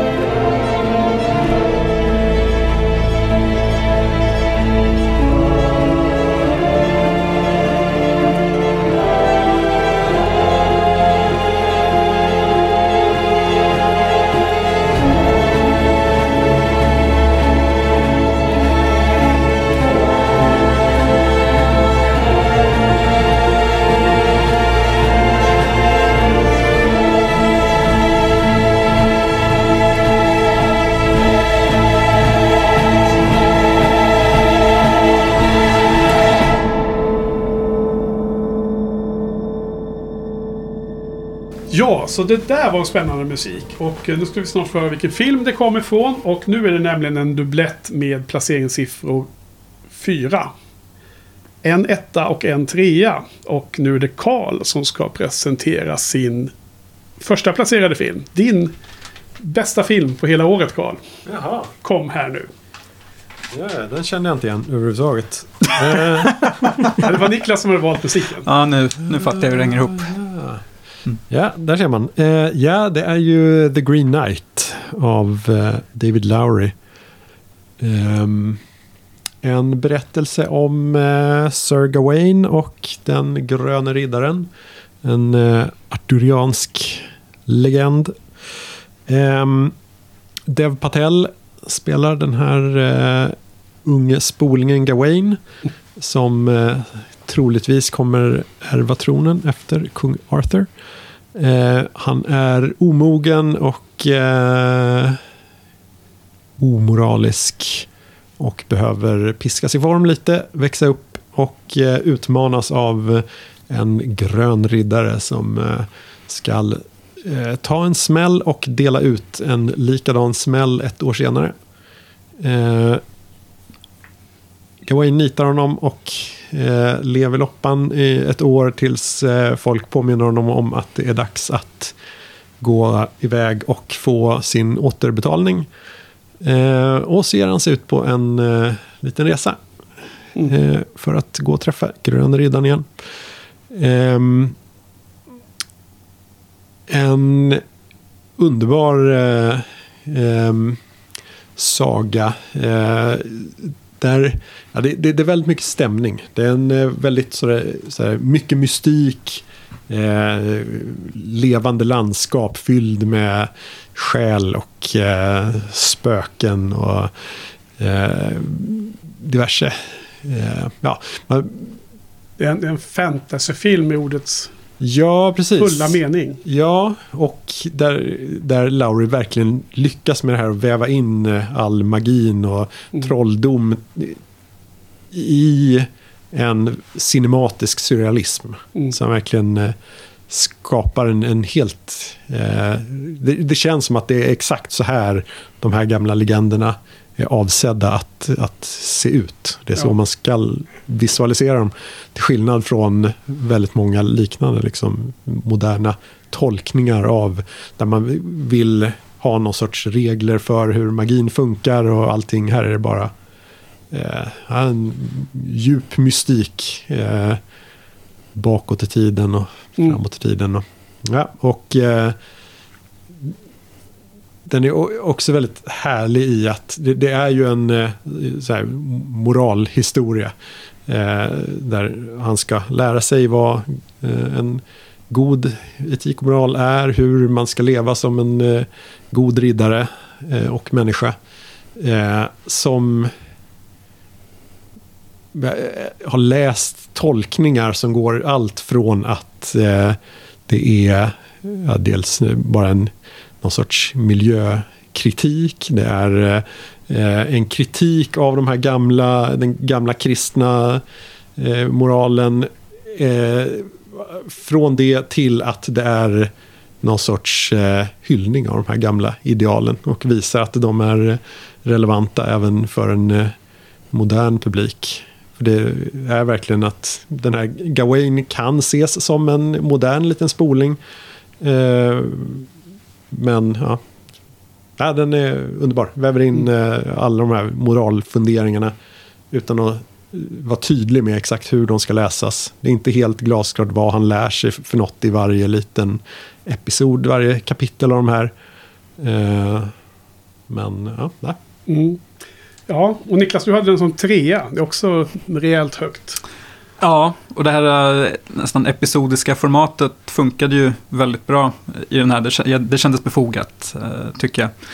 Ehm, och ehm, jag gillade ju verkligen David Lowrys eh, genombrott. A Ghost Story får väl anses vara hans, för mig i alla fall. Ja. eh, Håller med. Fem av fem gav jag. Ja, den var otroligt här, stark och gav en existentiell ångest Mm. eh, som jag eh, fortfarande går och tänker på. Som du kommer bära resten av ditt liv. Resten av livet Jag kommer jag gå och tänka på det. Jag tyvärr gissa. Ja, och sen så gjorde han en lite mer så här äh, bagatellartad film med Robert Redford om någon gammal tjuv. Som, Ja, ja, den har jag också sett. Den var inte alls på samma nivå. nej, den var väl, kändes inte alls som hans stil, men kul och otippat ändå. Men här är han tillbaka i formen tycker jag från äh, A Ghost Story. Framförallt slutet på den här filmen tyckte jag var väldigt svindlande Mm. och äh, tankeväckande. Och äh, ja, som Carl är inne på, det känns som att det eh, det finns inga regler direkt här liksom, för hur magin fungerar och det, kän- det känns uppfriskande att bara liksom, låta sig svepas med Mm. i det här. Och eh, fantastisk musik som vi hörde nyss. Mm. Ja, du föreslog den här musiken. Jag kommer inte ihåg vem som har skrivit den eller sånt där. Eller det kanske inte är känt av oss här inne. Eh, ja, eh, jag har ju sett den här filmen. Den är ju helt klart med på bubblarna hos mig. Så jag gillar den jättemycket.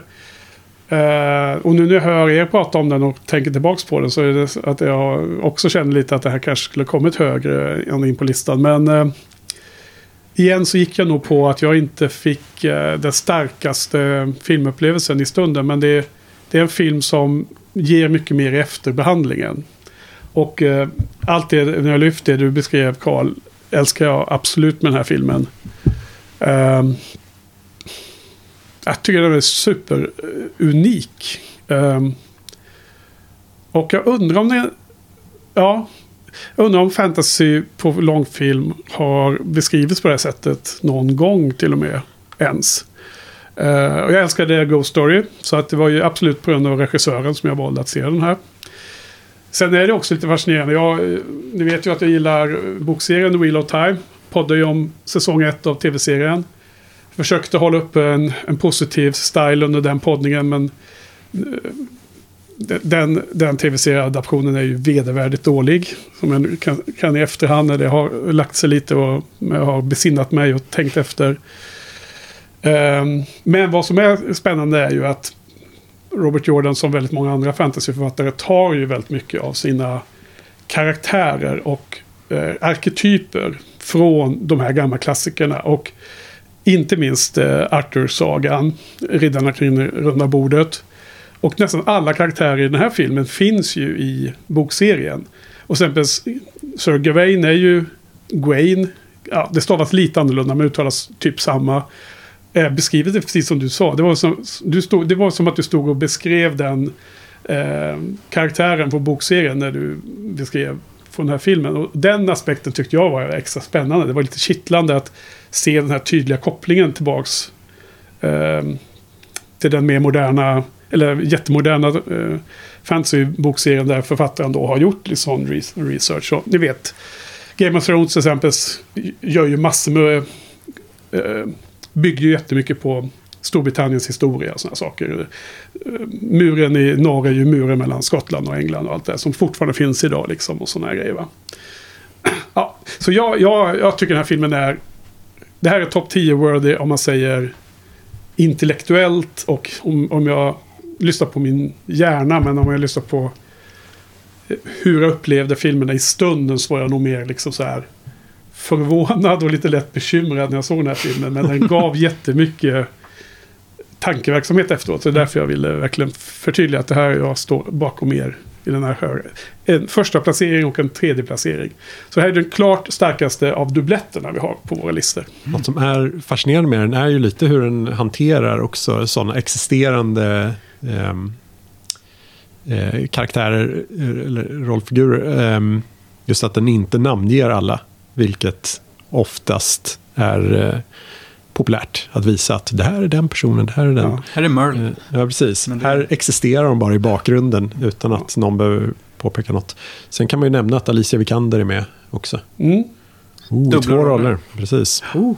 Ja. Vilket passar väldigt bra. Jag är ju väldigt, väldigt skeptisk till eh, henne normalt för att hon bara kan uttrycka en känsla åt gången. Mm. Men det funkar ju väldigt bra då när hon spelar två olika roller som Mm. kan uttrycka varsin eh, sak. Men du har inte sett den Johan, jag glömde fråga dig. Men Nej. nästan utgick från det. Jag vet inte om du kommer ihåg att jag skickade ett mest där jag sa att nu ska jag se The Green Knight. Ja, kanske. Efter jag kom hem från den här konferensen. Ja, ja, precis. Det var ju ett skämt. Var det? Ja. Varför det? För tung att... Nej, men liksom, jag kom hem så här halv tio på kvällen Ja. efter en konferens, lite eh, lagom berusad. Ja, ja, ja, okej. Nu ska jag se The Green Knight. Nej, jag bara tänkte att oj, nu har han... Ambitiöst. Ja, nu, det var ju torsdags va? Ja. Nu måste han eh, jobba på in i det sista tänkte jag. Jag trodde du var, var super eh, committad till den här poddningen. Så jag förstod inte alls att det var Jag hade redan skickat in min lista. Ja, ja. Men det, det är en skön film som man gärna kan se halvsovande. Ja, eller framförallt berusad. Ja, det också. Jag, jag såg faktiskt för allra första gången ehm, Fight Club berusad. Och det var en ganska spacad tripp kan jag säga. Var, så här, vad är detta? I alla fall. Äh, men jättebra val tycker jag. Även om inte jag hade med den. Och, men om jag hade haft med den då hade den blivit en av de här tripplarna. Och de kommer vi till nu då. Så nu ska vi komma till den första. För nu, nu racear vi level här. Nu är det alltså filmer som har kommit på tre av våra fyra listor. Oj. Och nu är det Carl igen som ska prata. Så tillbaks, ta upp med dina lappar igen. Och du ska prata om din eh, som har placerat sig på plats nummer två. Och det är också min trea. Och det är Niklas sexa. Så här har vi en trippel med platssiffror 2, 3, 6. Ja, Jo, jo. Eh, det var eh, snålt. Eh, det är ju världens värsta människa, Joakim Trier. Ehm, han är väl Nordens bästa aktiva filmskapare, kan man tro. Jag tycker han aldrig har missat med en endaste film. Sen har jag inte sett de senaste i och för sig, men, men, men.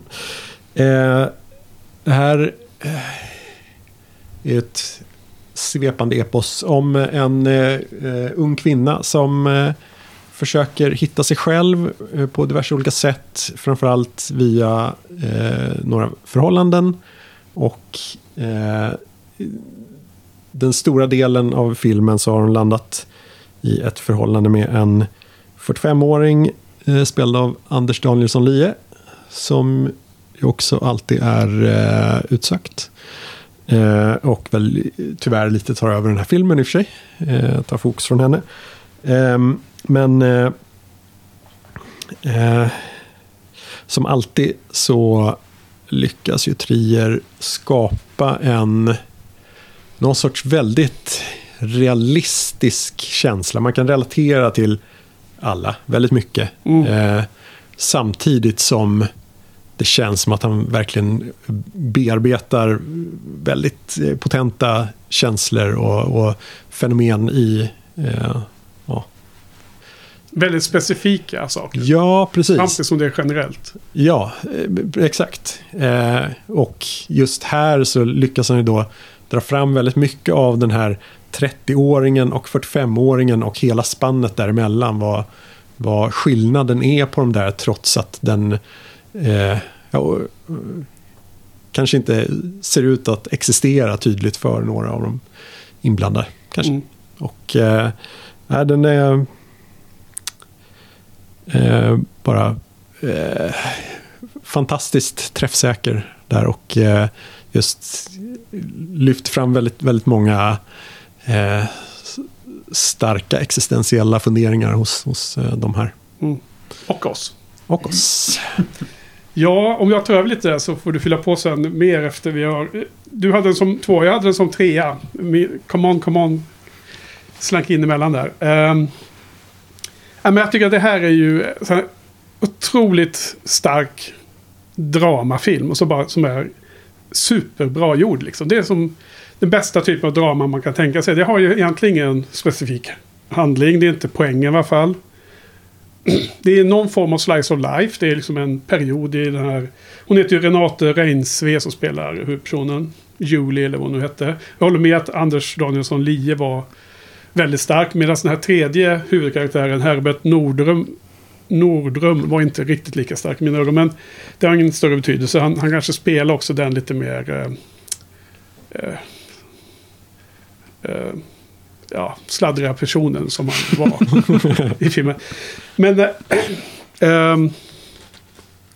äh, helt fantastiskt bra helt enkelt. Och ähm, det är svårt att sätta ord på ibland. Ähm, men jag avslutade, jag skrev i slutet av min eh, text på bloggen, jag måste göra det här ci- citatet där som ni, som ni önskar få höra här. Ehm, det är så här, scenen med Axel och Julie ute i parken utanför hospitalet gav mig hetta i ansiktet, kalla kårar längs ryggraden och en stor, stor klump i magen. På, på det bra sätt. Alltså, inte eh, awkward eller eh, skäms eller sånt där, utan bara träffsäkert, eh, personligt, men också generellt på något sätt, liksom allmängiltigt. Så att, ja, tredje bästa. Världens värsta människa, eller vad det nu kan uttalas på norska, som jag borde kunna. Pappa var från Norge, men har aldrig lärt mig detta språk. Du Niklas hade också den jätte, jättehögt. Och du hade den ju på plats, vad står det här? Sjätte plats. Sex, precis. Så. Eh, ja, jag tyckte inte att, eh, trodde inte att det var något för mig på pappret om man säger, alltså en slice of life drama från Norge. Men det här var väl liksom, eh, Film-Twitter hade sålt in den här hos mig och sagt att det här är något man bör se. Ja. Eh, och eh, jag tyckte det funkar väldigt bra med, sista gången jag tjatar om det nu, med den här kapitelindelningen med 12 kapitel då från hennes eh, liv, både lite så här högt och lågt. Också som en, i en bok att vissa kapitel är väldigt korta och intensiva och vissa är lite längre och svepande. Jag tyckte det funkade väldigt bra, den liksom böljande berättandet. Eh, och träffsäkert som ni var inne på.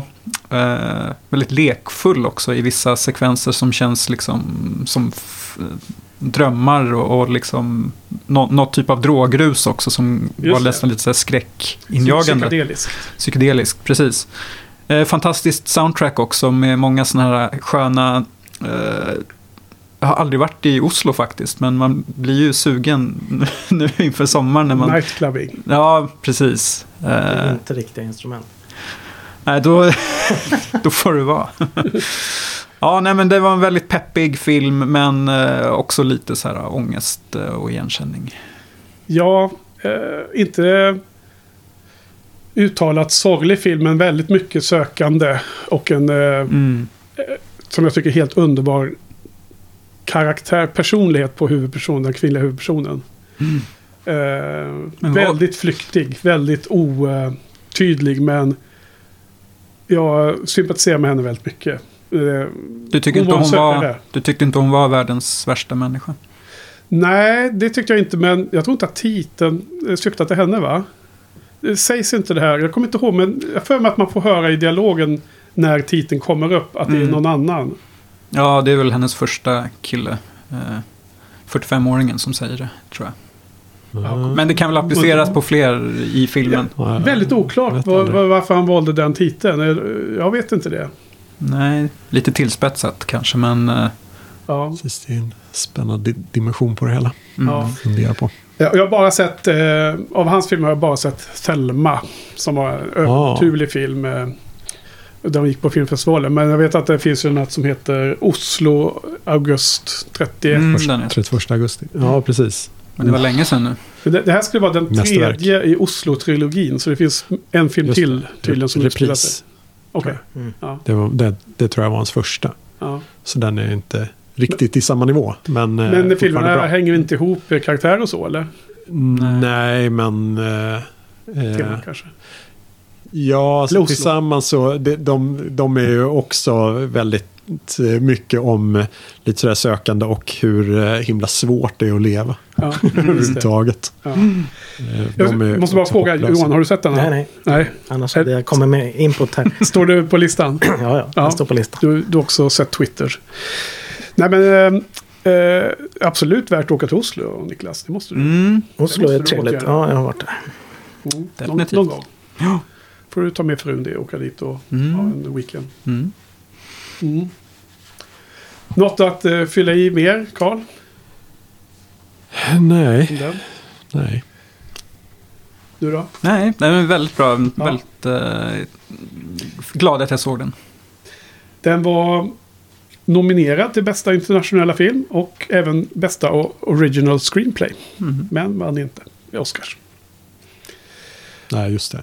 Det var konkurrens. Ja, men på tal om väldigt bra starkt eh, filmmusik eller låtval så ska vi ha eh, musikalisk underhållning från denna film. Mm. Sista breaket innan eh, i, i det här avsnittet ska vi höra på lite musik från eh, Världens värsta människa.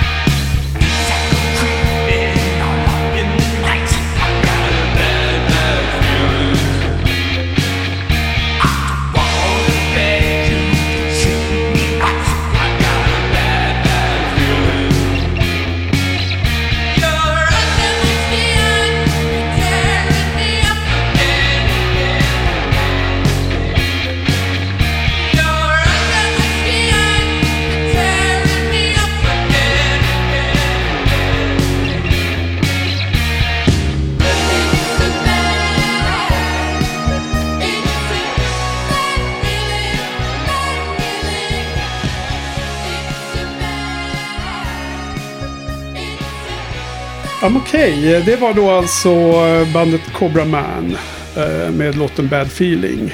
Eh, vad sa du Niklas? Det var något amerikanskt band som är modernt. Men det låter re- retro som vi sa. Precis. precis. Ja, verkligen. Okej, men då, då har vi alltså en trippel vi har pratat om nu då. Världens värsta människa som har 2, 3, 6. Men nu kommer en, en annan trippel. Som då alltså lyckas slå den, den raden och ännu högre. Och det är Niklas som eh, eh, ska presentera den här filmen. Och det är din etta. Det är Johans här, trea och det är min femma. Så här har vi alltså raden 1, 3, 5. Wow. Så, din nummer ett. Det låter otroligt att någon kan slå en sån, ett sån bra resultatrad, men vi får Ja, se. vi, vi får se. Ja, men eh, det är ju då Pig med eh, Nicolas Cage. Eh, an, eh, andra filmen som jag har med på listan om en kock. Just det. Ja. Och eh, ja, men det här är väl en, en anti-hämnarfilm då, där Nicolas Cage spelar den här eh, disgraced kocken som är ute i skogarna i, utanför Portland och har dragit sig undan civilisationen. Och där han lever med sitt tryffelsvin eh, och fortfarande ändå liksom producerar eh, ja, bra varor som används i restaurangbranschen. Mm. Och när eh, någon kidnappar tryffelsvinet så måste han ge sig in eh, i stan igen då och eh, rädda grisen. Mm. Och eh, ha- hade man sett trailern till den här, jag vet inte om ni hade det, så hade man ju kunnat tro att det var en annan typ av film då han liksom plockar fram sin cage rage och Ja. eh, bara spöar på alla som han träffar. Som Men, en annan Liam Neeson. ja, exakt. Det, på pappret skulle, låter ju det som en sån film, men den här är ju mer som sagt eh, att han eh, pratar med folk för att få dem att eh, tänka om sina livsval och eh, liknande. Och få, få folk i Portland att eh, eh, fundera över livet. Mm. Ja, Ja. Det, det, det där sista lät ju lite trist. Filmen är allt annat än trist. Ja, jag kanske beskrev den lite torftigt. Men eh, jag tycker den är spännande också för att den utspelar sig i Portland som är en så här hipsterstaden Mm. nummer ett. Eh, men det är också Portlands undre värld på något sätt. Där, där folk eh, i, ur alla liksom, restaurangbranschens delar har a- a- arrangerade slagsmål. Just det. Efter Någon slags fight club. Något fight club. Helt bisarrt. Ja, att, ja, att filmen har sådana inslag eh, piggar ju upp. Mm. Eh, no, pun, no pun intended. Sätter extra knorr på Ja, podden här nu. Ja, Ja. precis. Eh, nej, men jag, vi pratade ju om recency bias här i pausen, om Mm. att eh, det kan vara till filmens fördel och nackdel. Men för mig är det väl att eh, om en film har stannat kvar i medvetandet så länge, det måste ju varit nästan ett år sedan jag såg den här nu, så Okej. jag tänker fortfarande på den Ja. då och då, så har den ju gjort någonting rätt eh, hos mig. Eh, jag blev väldigt berörd av eh, filmen, av Nicolas Cage eh, skådespel och han lyfte ju fram den här som en av sina tre egna favoriter. Mm. Eh, vilket understryker att det är en väldigt bra film. Ja, alltså jag kan nästan undra. Han har gjort hysteriskt många filmer, men det här kan ju mycket väl vara hans bästa rolltolkning i hela karriären, som jag ser det. Eh, du Johan hade en som plats nummer tre. Det är superhögt också. Eh, varför var det så bra? Eh, jag håller ju med Niklas i det han säger. Eh, just att det var den här omvända hämnarresan. Eh, det hade jag nog hört lite om. Så jag var, ja, jag varit in, men det funkade ju perfekt. Liksom. Eh, speciellt, det finns en scen där han fullkomligt klär av en kock som tror han är på rätt plats och gör rätt grejer som han brinner för. Men det visar sig att det gör han ju inte alls. Han gör liksom fancy mat som han inte egentligen står för. Och det ser ju då den här eh, eh, Cages rollfigur igenom direkt. eh, och eh, sen är det väl även en film som eh, faller in under det här temat att hantera förlust och sorg och sådär också. Mm, verkligen. Så att eh, det är ju lite därför han har dragit sig undan. Mm. Eh, jag vet inte om det fanns någon annan eh, orsak egentligen. Ja. Du sa att han var... Jo, i och för sig. Han hade ju på något sätt han blivit någon sorts paria i, i den här Mm. kock kockvärlden. Jag förstod inte riktigt varför, men ja.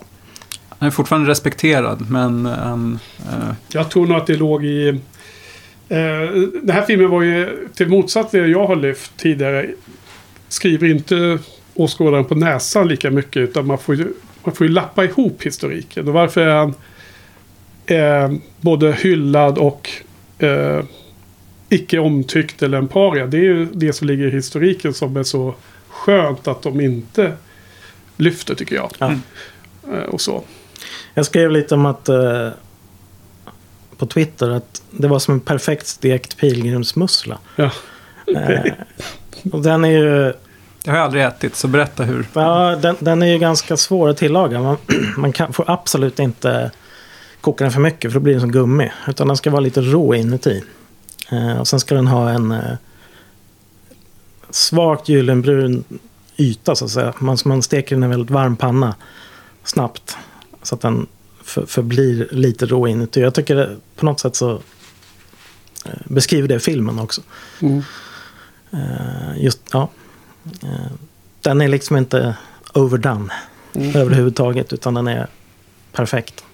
Ja. Ja, jag hade den på femte plats och det var, det var ganska svårt att placera de här filmerna på topp fem tyckte jag.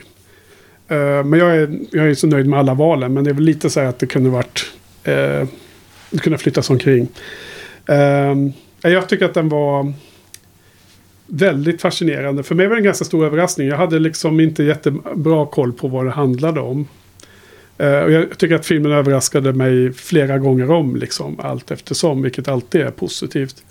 Det är en debutfilm då från någon som heter Michael Saren, Sarnowski. Ja.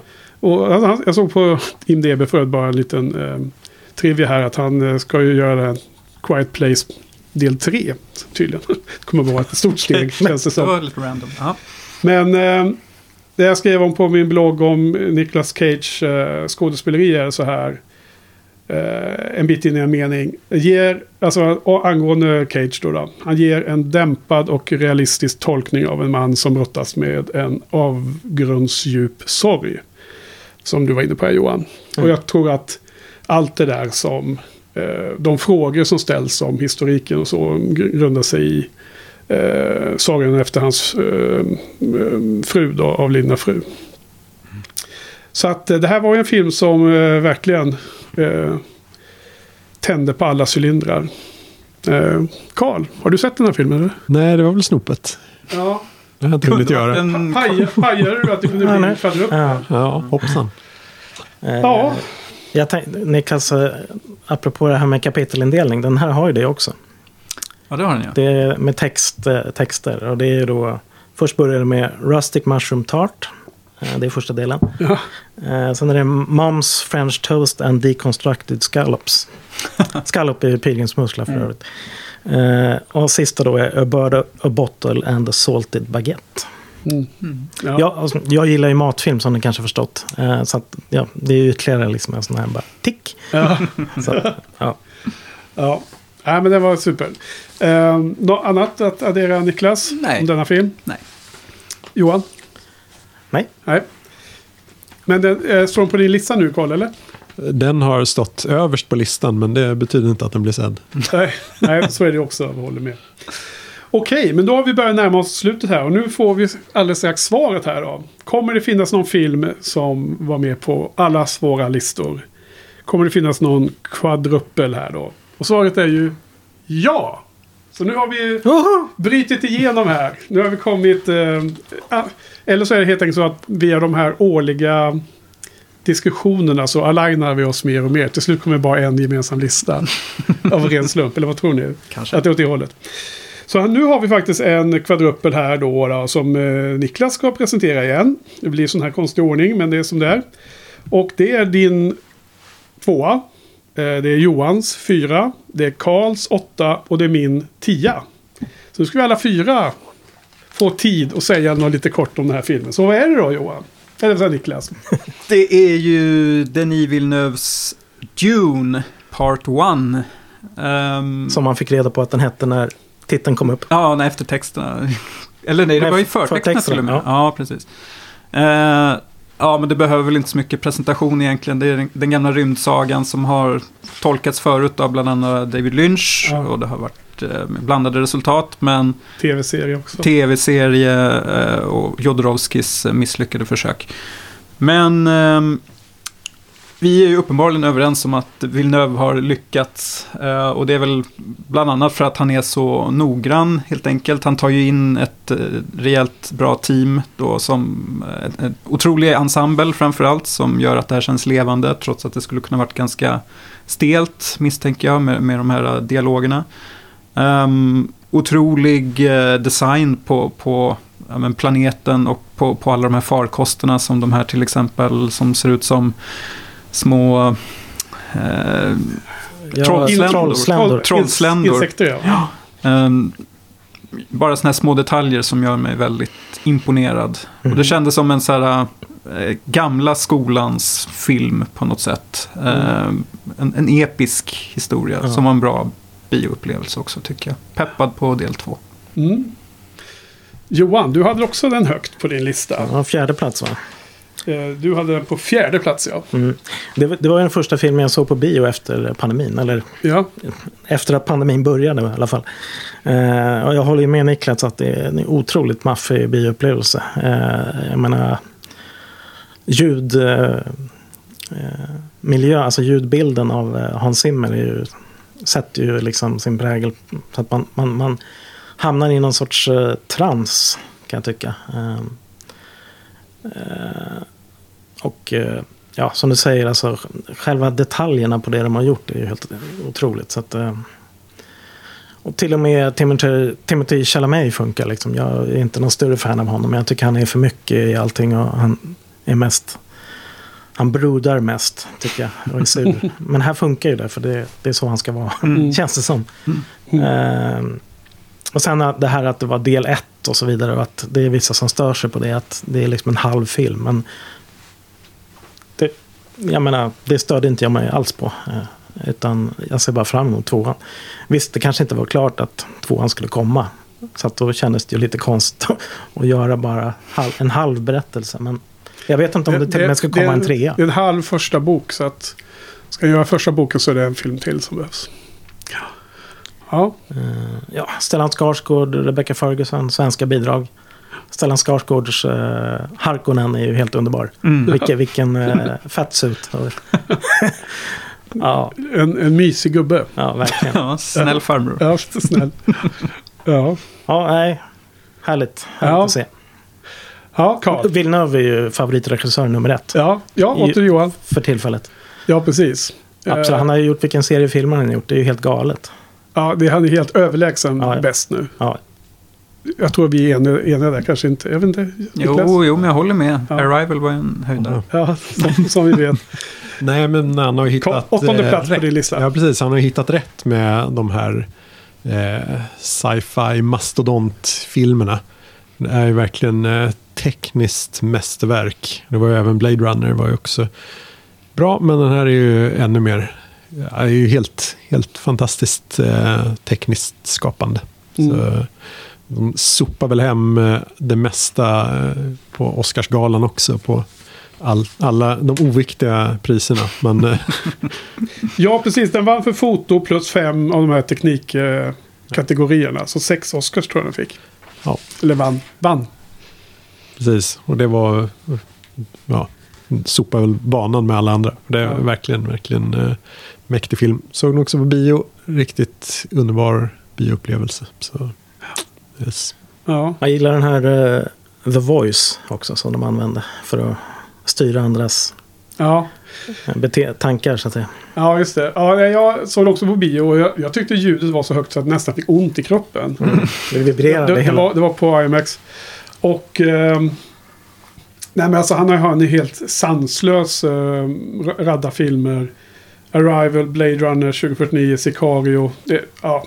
Så att jag, jag tycker att det här är ju eh, helt klart favoriter just nu. Och det var nästan så här givet. Och det var ju den filmen vi lyfte mest när vi avslutade poddningen om 2020 i, för, i förra året. Och blickade fram mot 2021 så var det ju Dune vi väntar på många av oss. Um, alltså, och, production design och ljuddesign och allting är ju eh, verkligen helt absurt bra. Alltså, att man kommer helt in i den världen är ju liksom nästan god enough. Jag pratar om de här upplevelserna. Liksom, att förflytta sig i tid och rum, rum och bara helt glömma av liksom, eh, vår vardag så, så var det 100% om man säger så. Eh, anledningen till att jag eh, hamnade på tionde plats det var ju den som till slut puttade ut Matrix-filmen för övrigt då till elfte. Det var väl egentligen att eh, Egentligen är det mycket svagare än hans tidigare filmer. Jag tycker att karaktärerna och deras relationer är ju direkt svaga i den här filmen. Och det var som ett stort svart hål.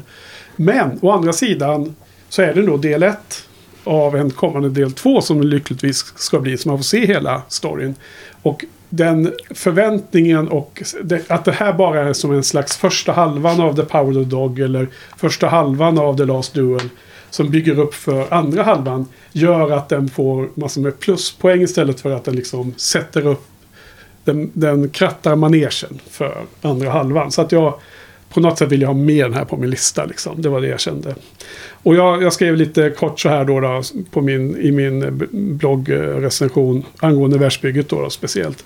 Jag kände mig helt indragen i filmen på ett sätt som jag inte varit sedan Villeneuves Blade Runner 2049.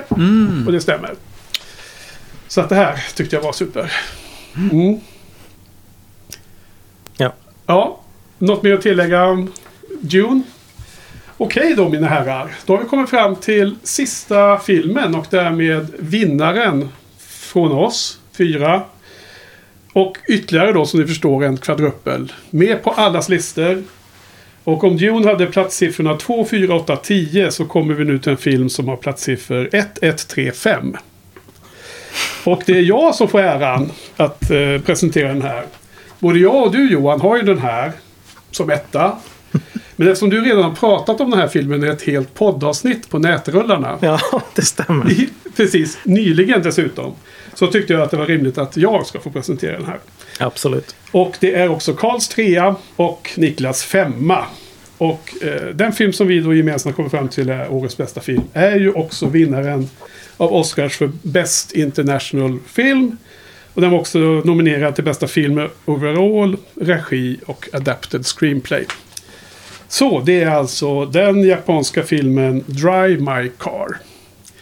Ytterligare en renodlad dramafilm.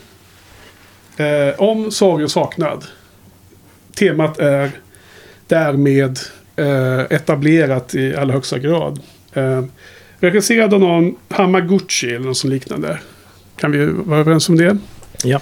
Och det bygger på en novell av eh, den bra Murakami. Japan, japanska så författaren Murakami. Murakami. Ehm, som heter Drive My Car. Och vad ska man säga om det här nu då? Det, det handlar om en teaterregissör som eh, efter att frun har gått bort ehm, ska sätta upp en teaterpjäs. Eh, vil- vilken är det nu då? Onkel Vanja. Onkel Vanja. ehm, av Chekhov. Chekhov.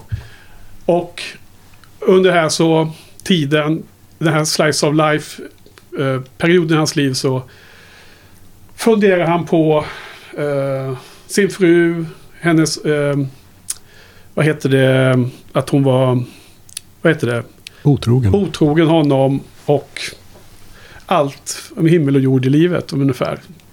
Väldigt diffust men otroligt bra drama helt, helt enkelt. Och väldigt fascinerande hur den avlivna frun nästan har antagit legendstatus i hans minnesbild av henne. Jag tyckte det var väldigt fascinerande. Sen är filmen igen, precis som jag sa här tidigare, liksom, om de här dramafilmerna som är här i topp tre på min lista. Det är liksom... Eh, det, det är som en perfekt drama helt enkelt. Man får eh, massor med olika intryck och det är eh, lång. Lång in helvete lång. Den är väl tre timmar? va? Ja, två timmar och 56 minuter tror jag. Ja, precis. Och jag lyssnade... Ja. Men jag, jag, jag tyckte att det bara gick som en, en eh, vindpust liksom. Det var, jag bara började titta sen så var det bara superintressant hela tiden. Jag var liksom inte eh, nära att stänga av eller var trött eller något sånt. Jag var bara helt som eh, begeistrad i filmen hela tiden. Och jag, jag ska ta mina eh, citat, sen ska jag släppa in er. Jag inleder min text så här. Drive My Car är en jäkligt bra japansk dramafilm. Och nu skulle recensionen egentligen kunna- varit över. För egentligen är det så man känner. Den är bara jäkligt bra. Men jag skriver lite mer såklart då. då. Och när jag avslutar på det här sättet. Jag gillar, jag gillar japansk film. Jag gillar miljöerna och människorna. Kafuku och Misaki var coola. Otto var cool. Och ibland finns det inte mycket mer att säga. Så att jag vet inte. Jag har svårt att sätta ord på varför det här var så bra. Så jag därför lämnar över till er. Börjar med Johan som också hade den som ett. Ja, jag hade den som nummer ett. Jag, och det här kan vara... Den slog Summer of Soul, observera. Ja, det roliga är att den får inte högre betyg i rent alltså siffermässigt. Nej, Så det är också rimligt. ja, den, men eh, den placerade sig högre på listan så att säga. Mm. För den, är, den känns mer listvärdig. Eh, ja, men jag- det är liksom en... Det är en mystisk film på något sätt. För att det är liksom så många detaljer och lager som man får lära sig efterhand. Och få reda på saker. Och, ehm, eh, sen, är, sen är det kul med den här eh, Saben. Eh, som han åker omkring med. Eh, eller snarare blir skjutsad i större delen av filmen. Eh, jag gillade ju relationen mellan den här unga tjejen som var chaufför då, åt honom. Han får nämligen inte köra sin egen bil medan han ska sätta upp den här pjäsen. Eh, eh, och hon, alltså där, även där så finns det massor med bottnar. Man får lära sig lära känna liksom vad, vad hon för bakgrund. Först trodde jag hon bara skulle vara en bifigur. Jag hade liksom inte, inte bara en bilfigur då. Eh, men men sen, vi, sen öppnar ju liksom den, den relationen öppnar upp sig och de har liksom intressanta diskussioner. Och, ja, filmens avslutning var ju helt underbar också. Eh, eh, så att... Eh, eh, Ja, som du säger Henke så hade filmen faktiskt kunnat pågå hur länge som helst. Jag var, första timmen kanske jag var lite sådär att jag undrade var, var ska det här ta vägen. Så att säga. Men någonstans i slutet av, eller i mitten av den här repetitionsdelen, ungefär i mitten av filmen, så då var det som att jag... Ja, då sveptes jag omkring av, av hela filmen och liksom bara Mm. satt som en... Allt var fascinerande, alla dialoger, allting. Eh, ja. Sen, vi- det finns ju massor med intressanta detaljer. Som till exempel att eh, han har någon egenhet den här uh, pjäsförfattaren, eller eh, regissören. Han, eh, när han sätter upp sådana pjäser så, låter han, eh, så har han liksom med flera språk. Det är liksom, Mm. eh, Det är väldigt fascinerande. han har, eh, just här nu så var det engelska, mandarin, japanska, koreanska och så något mer. Tecken- Teckenspråk. Teckenspråk till och med. Liksom. Och det tänkte jag, det kommer ju aldrig funka. Eh, Men sen finns det ju en magisk scen där mot slutet när man får se den här skådisen framföra eh, en, en monolog liksom, med teckenspråk. Funkade helt otroligt bra. Det var ett grepp som jag faktiskt sagt och tänkt på att det där skulle vara jättespännande att se i verkligheten. Det- För de hade ju någon teater, det, var, det fanns väl en textsträng med översatt tror jag för publiken. Ja, Om-. Mm. och, men alla eh, pratar sitt, sitt eh, var preferred language liksom. Ja. Ja. Tänkte du på det förresten att kaffeku är ju, är ju Kafka på, på japanska? Eh, tänkte inte på direkt men det, det kanske stämmer. Eller det kanske stämmer in i handlingen på något sätt. Utan att ha tänkt igenom allt för mycket. Var det någonting du eh, specifikt du Nej, nej, tänkte jag, på där? nej ja, alltså, det är så det är liksom. Att, Mm. att det är Kafka på japanska. Eh, eh, men jag tyckte inte riktigt eh, det stämde in på hans rollfigur riktigt. Men, Mm. Så det kändes lite random. Men ja, så var det i alla fall. Eh, vidare till Karl då. Du hade den som trea, jätte, jättehögt. Men lågt också. Ja, det, det stämmer. Eh, Det, ja, rangordningen på de tre översta kan eh, diskuteras. Eh, Det är nog dagsform för den. eh, Ja, den slog stenhårt när också. Eh, eh, Jag håller med om att eh, alltså det, det, det är ju något med tre timmars filmer. När de flyter på så blir de ju eh, bättre än en, en eh, två timmars film. Det, Mm. Så är det bara. Man får plats med mer. Eh, och det, det finns utrymme för att allting ska få växa. Och, och ta, Jäsa ta, lite. ta sin tid ja. Och här har man också 40 minuters eh, prolog Mm. eh, Ja, just innan förtexterna. Bara sätta upp bakgrunden till, till honom. Eh, så, så den tar verkligen sin tid att bygga upp det här. Och sen eh, är det också, det, det är lite vanskligt där när man just använder det här greppet att ha en pjäs som de spelar och försöka väva in den med hela filmen då. Eh, och försöka eh, korsklippa dem emellan och försöka då eh, inte bli övertydlig men eh, ändå att det som händer i pjäsen spelar roll för, för, henne, för liksom, filmen. Eh, och rollfigurerna där. Och eh, det lyckas de ju väldigt väl med. Mm. Eh, sen eh, hela den här eh, temat just om eh, svårigheten med kommunikation. De pratar olika språk, eh, kan inte riktigt förstå varandra. Den är fin. Och hela slutsatsen om att det någonstans är helt eh, omöjligt att eh, nå insikter innan det är för sent. Den är ju förkrossande och eh, mäktig. Jo, det är tungt. Mm. Och du, Niklas. Trots att du har den så högt upp som femma så är det ändå du som får prata sist här. Ja, jag såg den här för några dagar sedan, så den kanske till och med inte har landat helt och hållet Mm. ännu. En sån lång och episk film så finns det ju mycket att processa Mm. eh, i efterhand. Men jag håller med om eh, allt ni säger. Eh, väldigt fascinerande just det här med språken. Det känns som jag försöker komma på om någon film har gjort eller satt språket så mycket i fokus. Det kan väl vara typ Inglourious Basterds eller någonting sånt. Tarantino-filmen där. När man... Mm. Arrival såklart. Den, Ja, den höjden Bra Carl. Ja, Good pull. lyfter fram ytterligare en bra. båda de ur helt andra perspektiv på något sätt känns det Mm. som. Eh, men och det var otroligt vackert eh, alltsammans och eh, de här långa hypnotiska bilresorna om natten var särskilt eh, fascinerande tycker jag.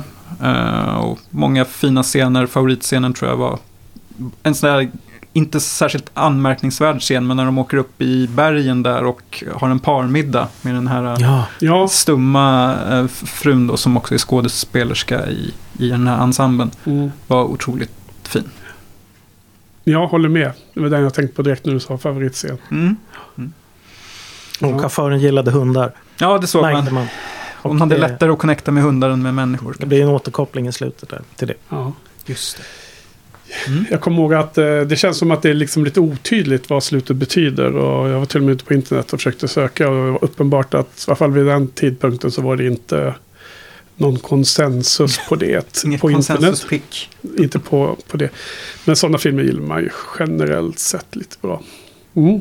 Det är ju intressant. Genom hela filmen egentligen att många eh, reagerar på saker som sägs av andra. Men det är sällan uppenbart varför de reagerar starkt på det. Att man får sällan någon riktig inblick i deras eh, inre liv. Eh, för att de inte riktigt kommunicerar med Mm. någon annan. Men ändå funkar det. Det blir aldrig frustrerande att de gör så, utan bara intressant. Mm. Det är lustigt här. Um, Murakami va? Um, undrar alltid om jag säger UA fel där. Men eh, han, eh, han har ju ofta titlar på Beatles-låtar eh, som namn. Han har ju en hel roman som heter Norwegian Wood som jag har läst. Den är superbra. Just. Han har ju flera noveller, bland annat den här då, Drive My Car. Eh, han har någon som heter Yesterday och ytterligare någon. Så han har en annan ko- kort story som, har, som heter With, With the Beatles, som är namnet på en LP som de gjorde. Och eh, det, det är en lustig liten aspekt i det hela där. Men eh, bra, då har vi avrundat. Det var de tio filmerna vi skulle prata om här i andra avsnittet. Eh, och det var den tydliga vinnaren. För det första att vi har fått numera två filmer som har varit med på båda, eller på allas, allas listor, alla fyra. Så det är superhärligt i sig. Och eh, sen då den här filmen Drive My Car med placeringssiffror 1135 är ju riktigt högt. Och väldigt mycket konsensus över det. Eh, jag har pratat lite om de här bubblarna. Jag tänkte eh, ni ska också få chans att säga lite. Men jag börjar. Jag ska rabbla lite mina 11 till 20 filmer, eh, vi har nämnt de flesta. Eh, det är Matrix-filmen. Eh, After Young. En väldigt trevlig film om eh, eh, nära framtid, science fiction, AI. Vad är, vad är som är, när blir en, en dator, när, när blir en artificiell person mänsklig och så vidare. De frågorna. Wrath of Man som du pratade om. Eh, den enda MCU-film från fas 4 som jag riktigt gillar, Black Widow.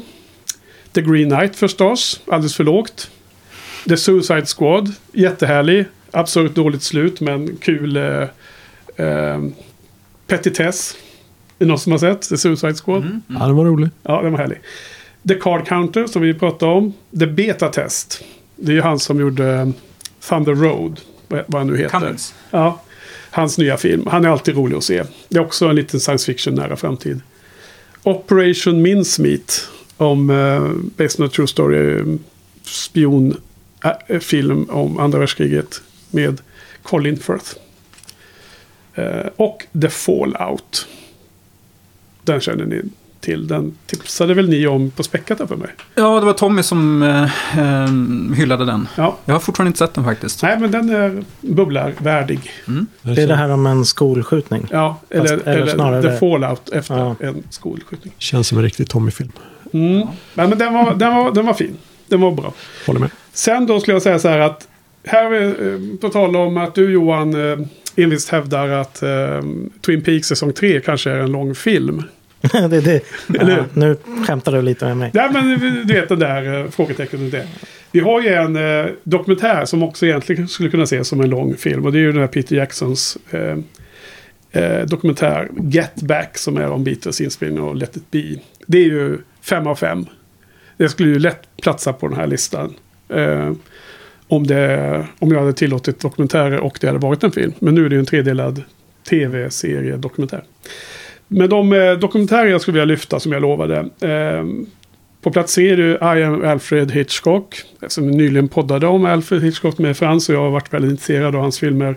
Så var den ganska, eller den var väldigt bra genomgång av hans karriär tycker jag. Den eh, kom förra året.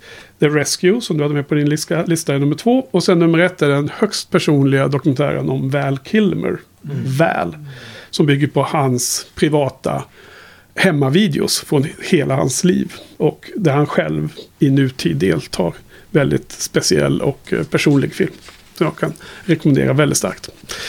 Så, har någon som vill eh, fylla på med lite bubblare, Niklas? Eller några andra? Eh, jag kan säga en bubblare, eh, förutom de vi redan har nämnt, eh, James Bond och Matrix. Ehm, ja, men Titan, den här Ah. franska body horror eh, Weird, filmen. weird, weird. Väldigt knäpp. Riktiga Matrix-uppföljaren.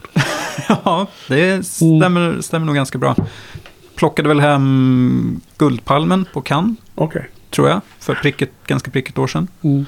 Uh, den var väl inte den här liksom helt klockrena filmen för att skulle platsa på plats 10, men den var väldigt minnesvärd. Det förstår jag. När du säger body horror då, jag, då, då passar jag direkt. Ja, Det är en, en huvudperson som har ett väldigt eh, starkt för, eh, förhållande till sin bil, precis som i Drive My Car, fast inte lika, Ja, lite mer extremt i Titan kanske. ja, Det är ju intimt. ja just det. Mm. Det är inte Assays eller vad han heter. Det är en annan va? Fransk. Julia Decournau heter hon va? Mm. Som, gjorde, som gjorde Rå. Ja, Exakt. okej. En kvinna. Ja. Ja, okej. Det var jag helt fel. Mm. Ja, men det var Ja. min bubblare, tror jag. Tack för den. Inga övriga skräckfilmer. Ja, precis. Niklas är ju horrorkillen. Det har ni ju faktiskt rätt i.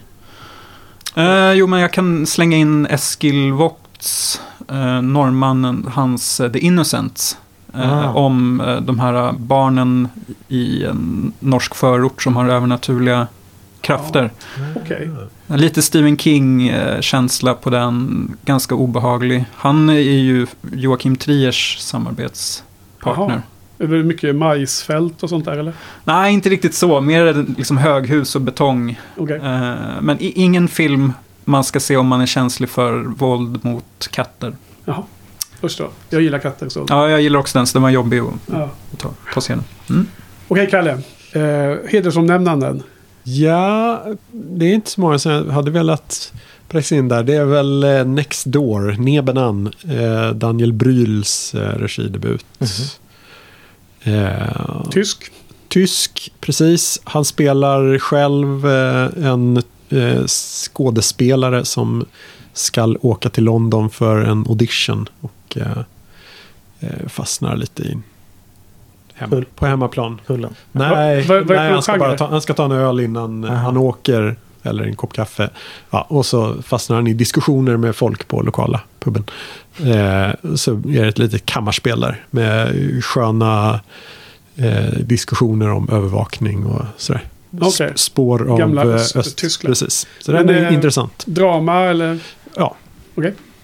Den är eh, värd att se. Ja. Okej, next door. Eh, Johan, några bubblare? Än så länge? Ja, jag har fyra bubblare. Eh, Benedetta. Eh, Paul Verhoevens eh, non-exploitation-rulle. Just. Just det. Sevärd. Eh, Ja.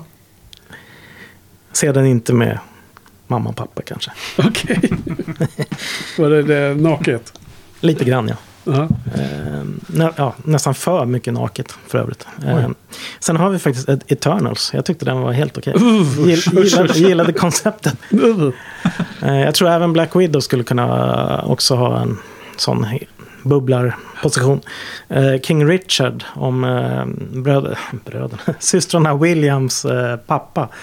Och hur han tänkte och när han tränade sina barn där. Det är med han boxaren.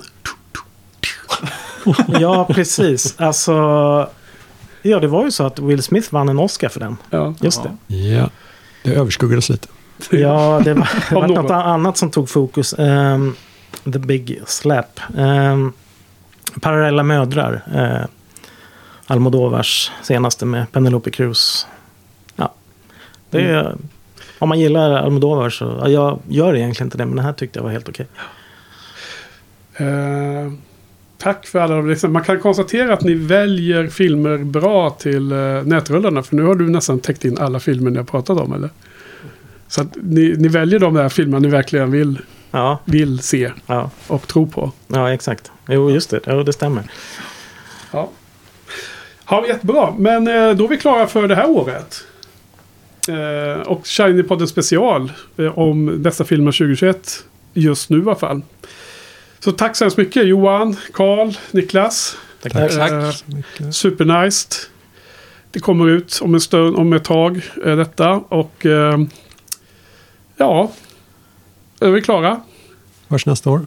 Ja, helt enkelt. Ja, vad ska vi säga? Vad, vad tror vi om eh, det här året då, 2022? Kommer det bli bättre äntligen eller? Har vi sett några bra filmer i år? Som, från i år? Jo, tack.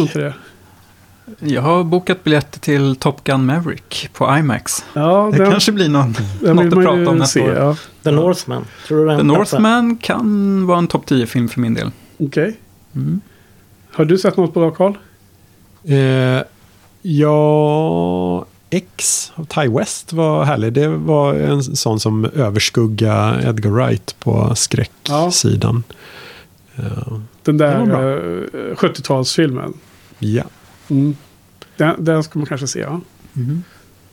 ja. Du då Johan, har du kommit in på 2022 ännu? Nej, jag har inte, jag har inte avslutat 2021 än. Så det är dåligt med det. Ja, Jag har sett några stycken, jag kommer inte ihåg vilka det är nu. Men Kan ha ing- sett några. ingen har varit speciellt jättebra. Så jag Nej. tror att det är för, lätt förglömligt. Vi får hoppas att det blir bättre i alla fall. Mm. Allt bra ska komma under hösten. Det är väl så det Ja, Ja, det det ser brukar vara ut. så. Q4 och Q1 det är då man, man i Sverige får access till de filmerna som var bra året innan. Mm. Okej, men då säger vi så. Tack så hemskt mycket för idag och hoppas att alla lyssnarna har njutit av denna diskussion och sen så på återhörande. Bye bye! bye, bye. Hej då!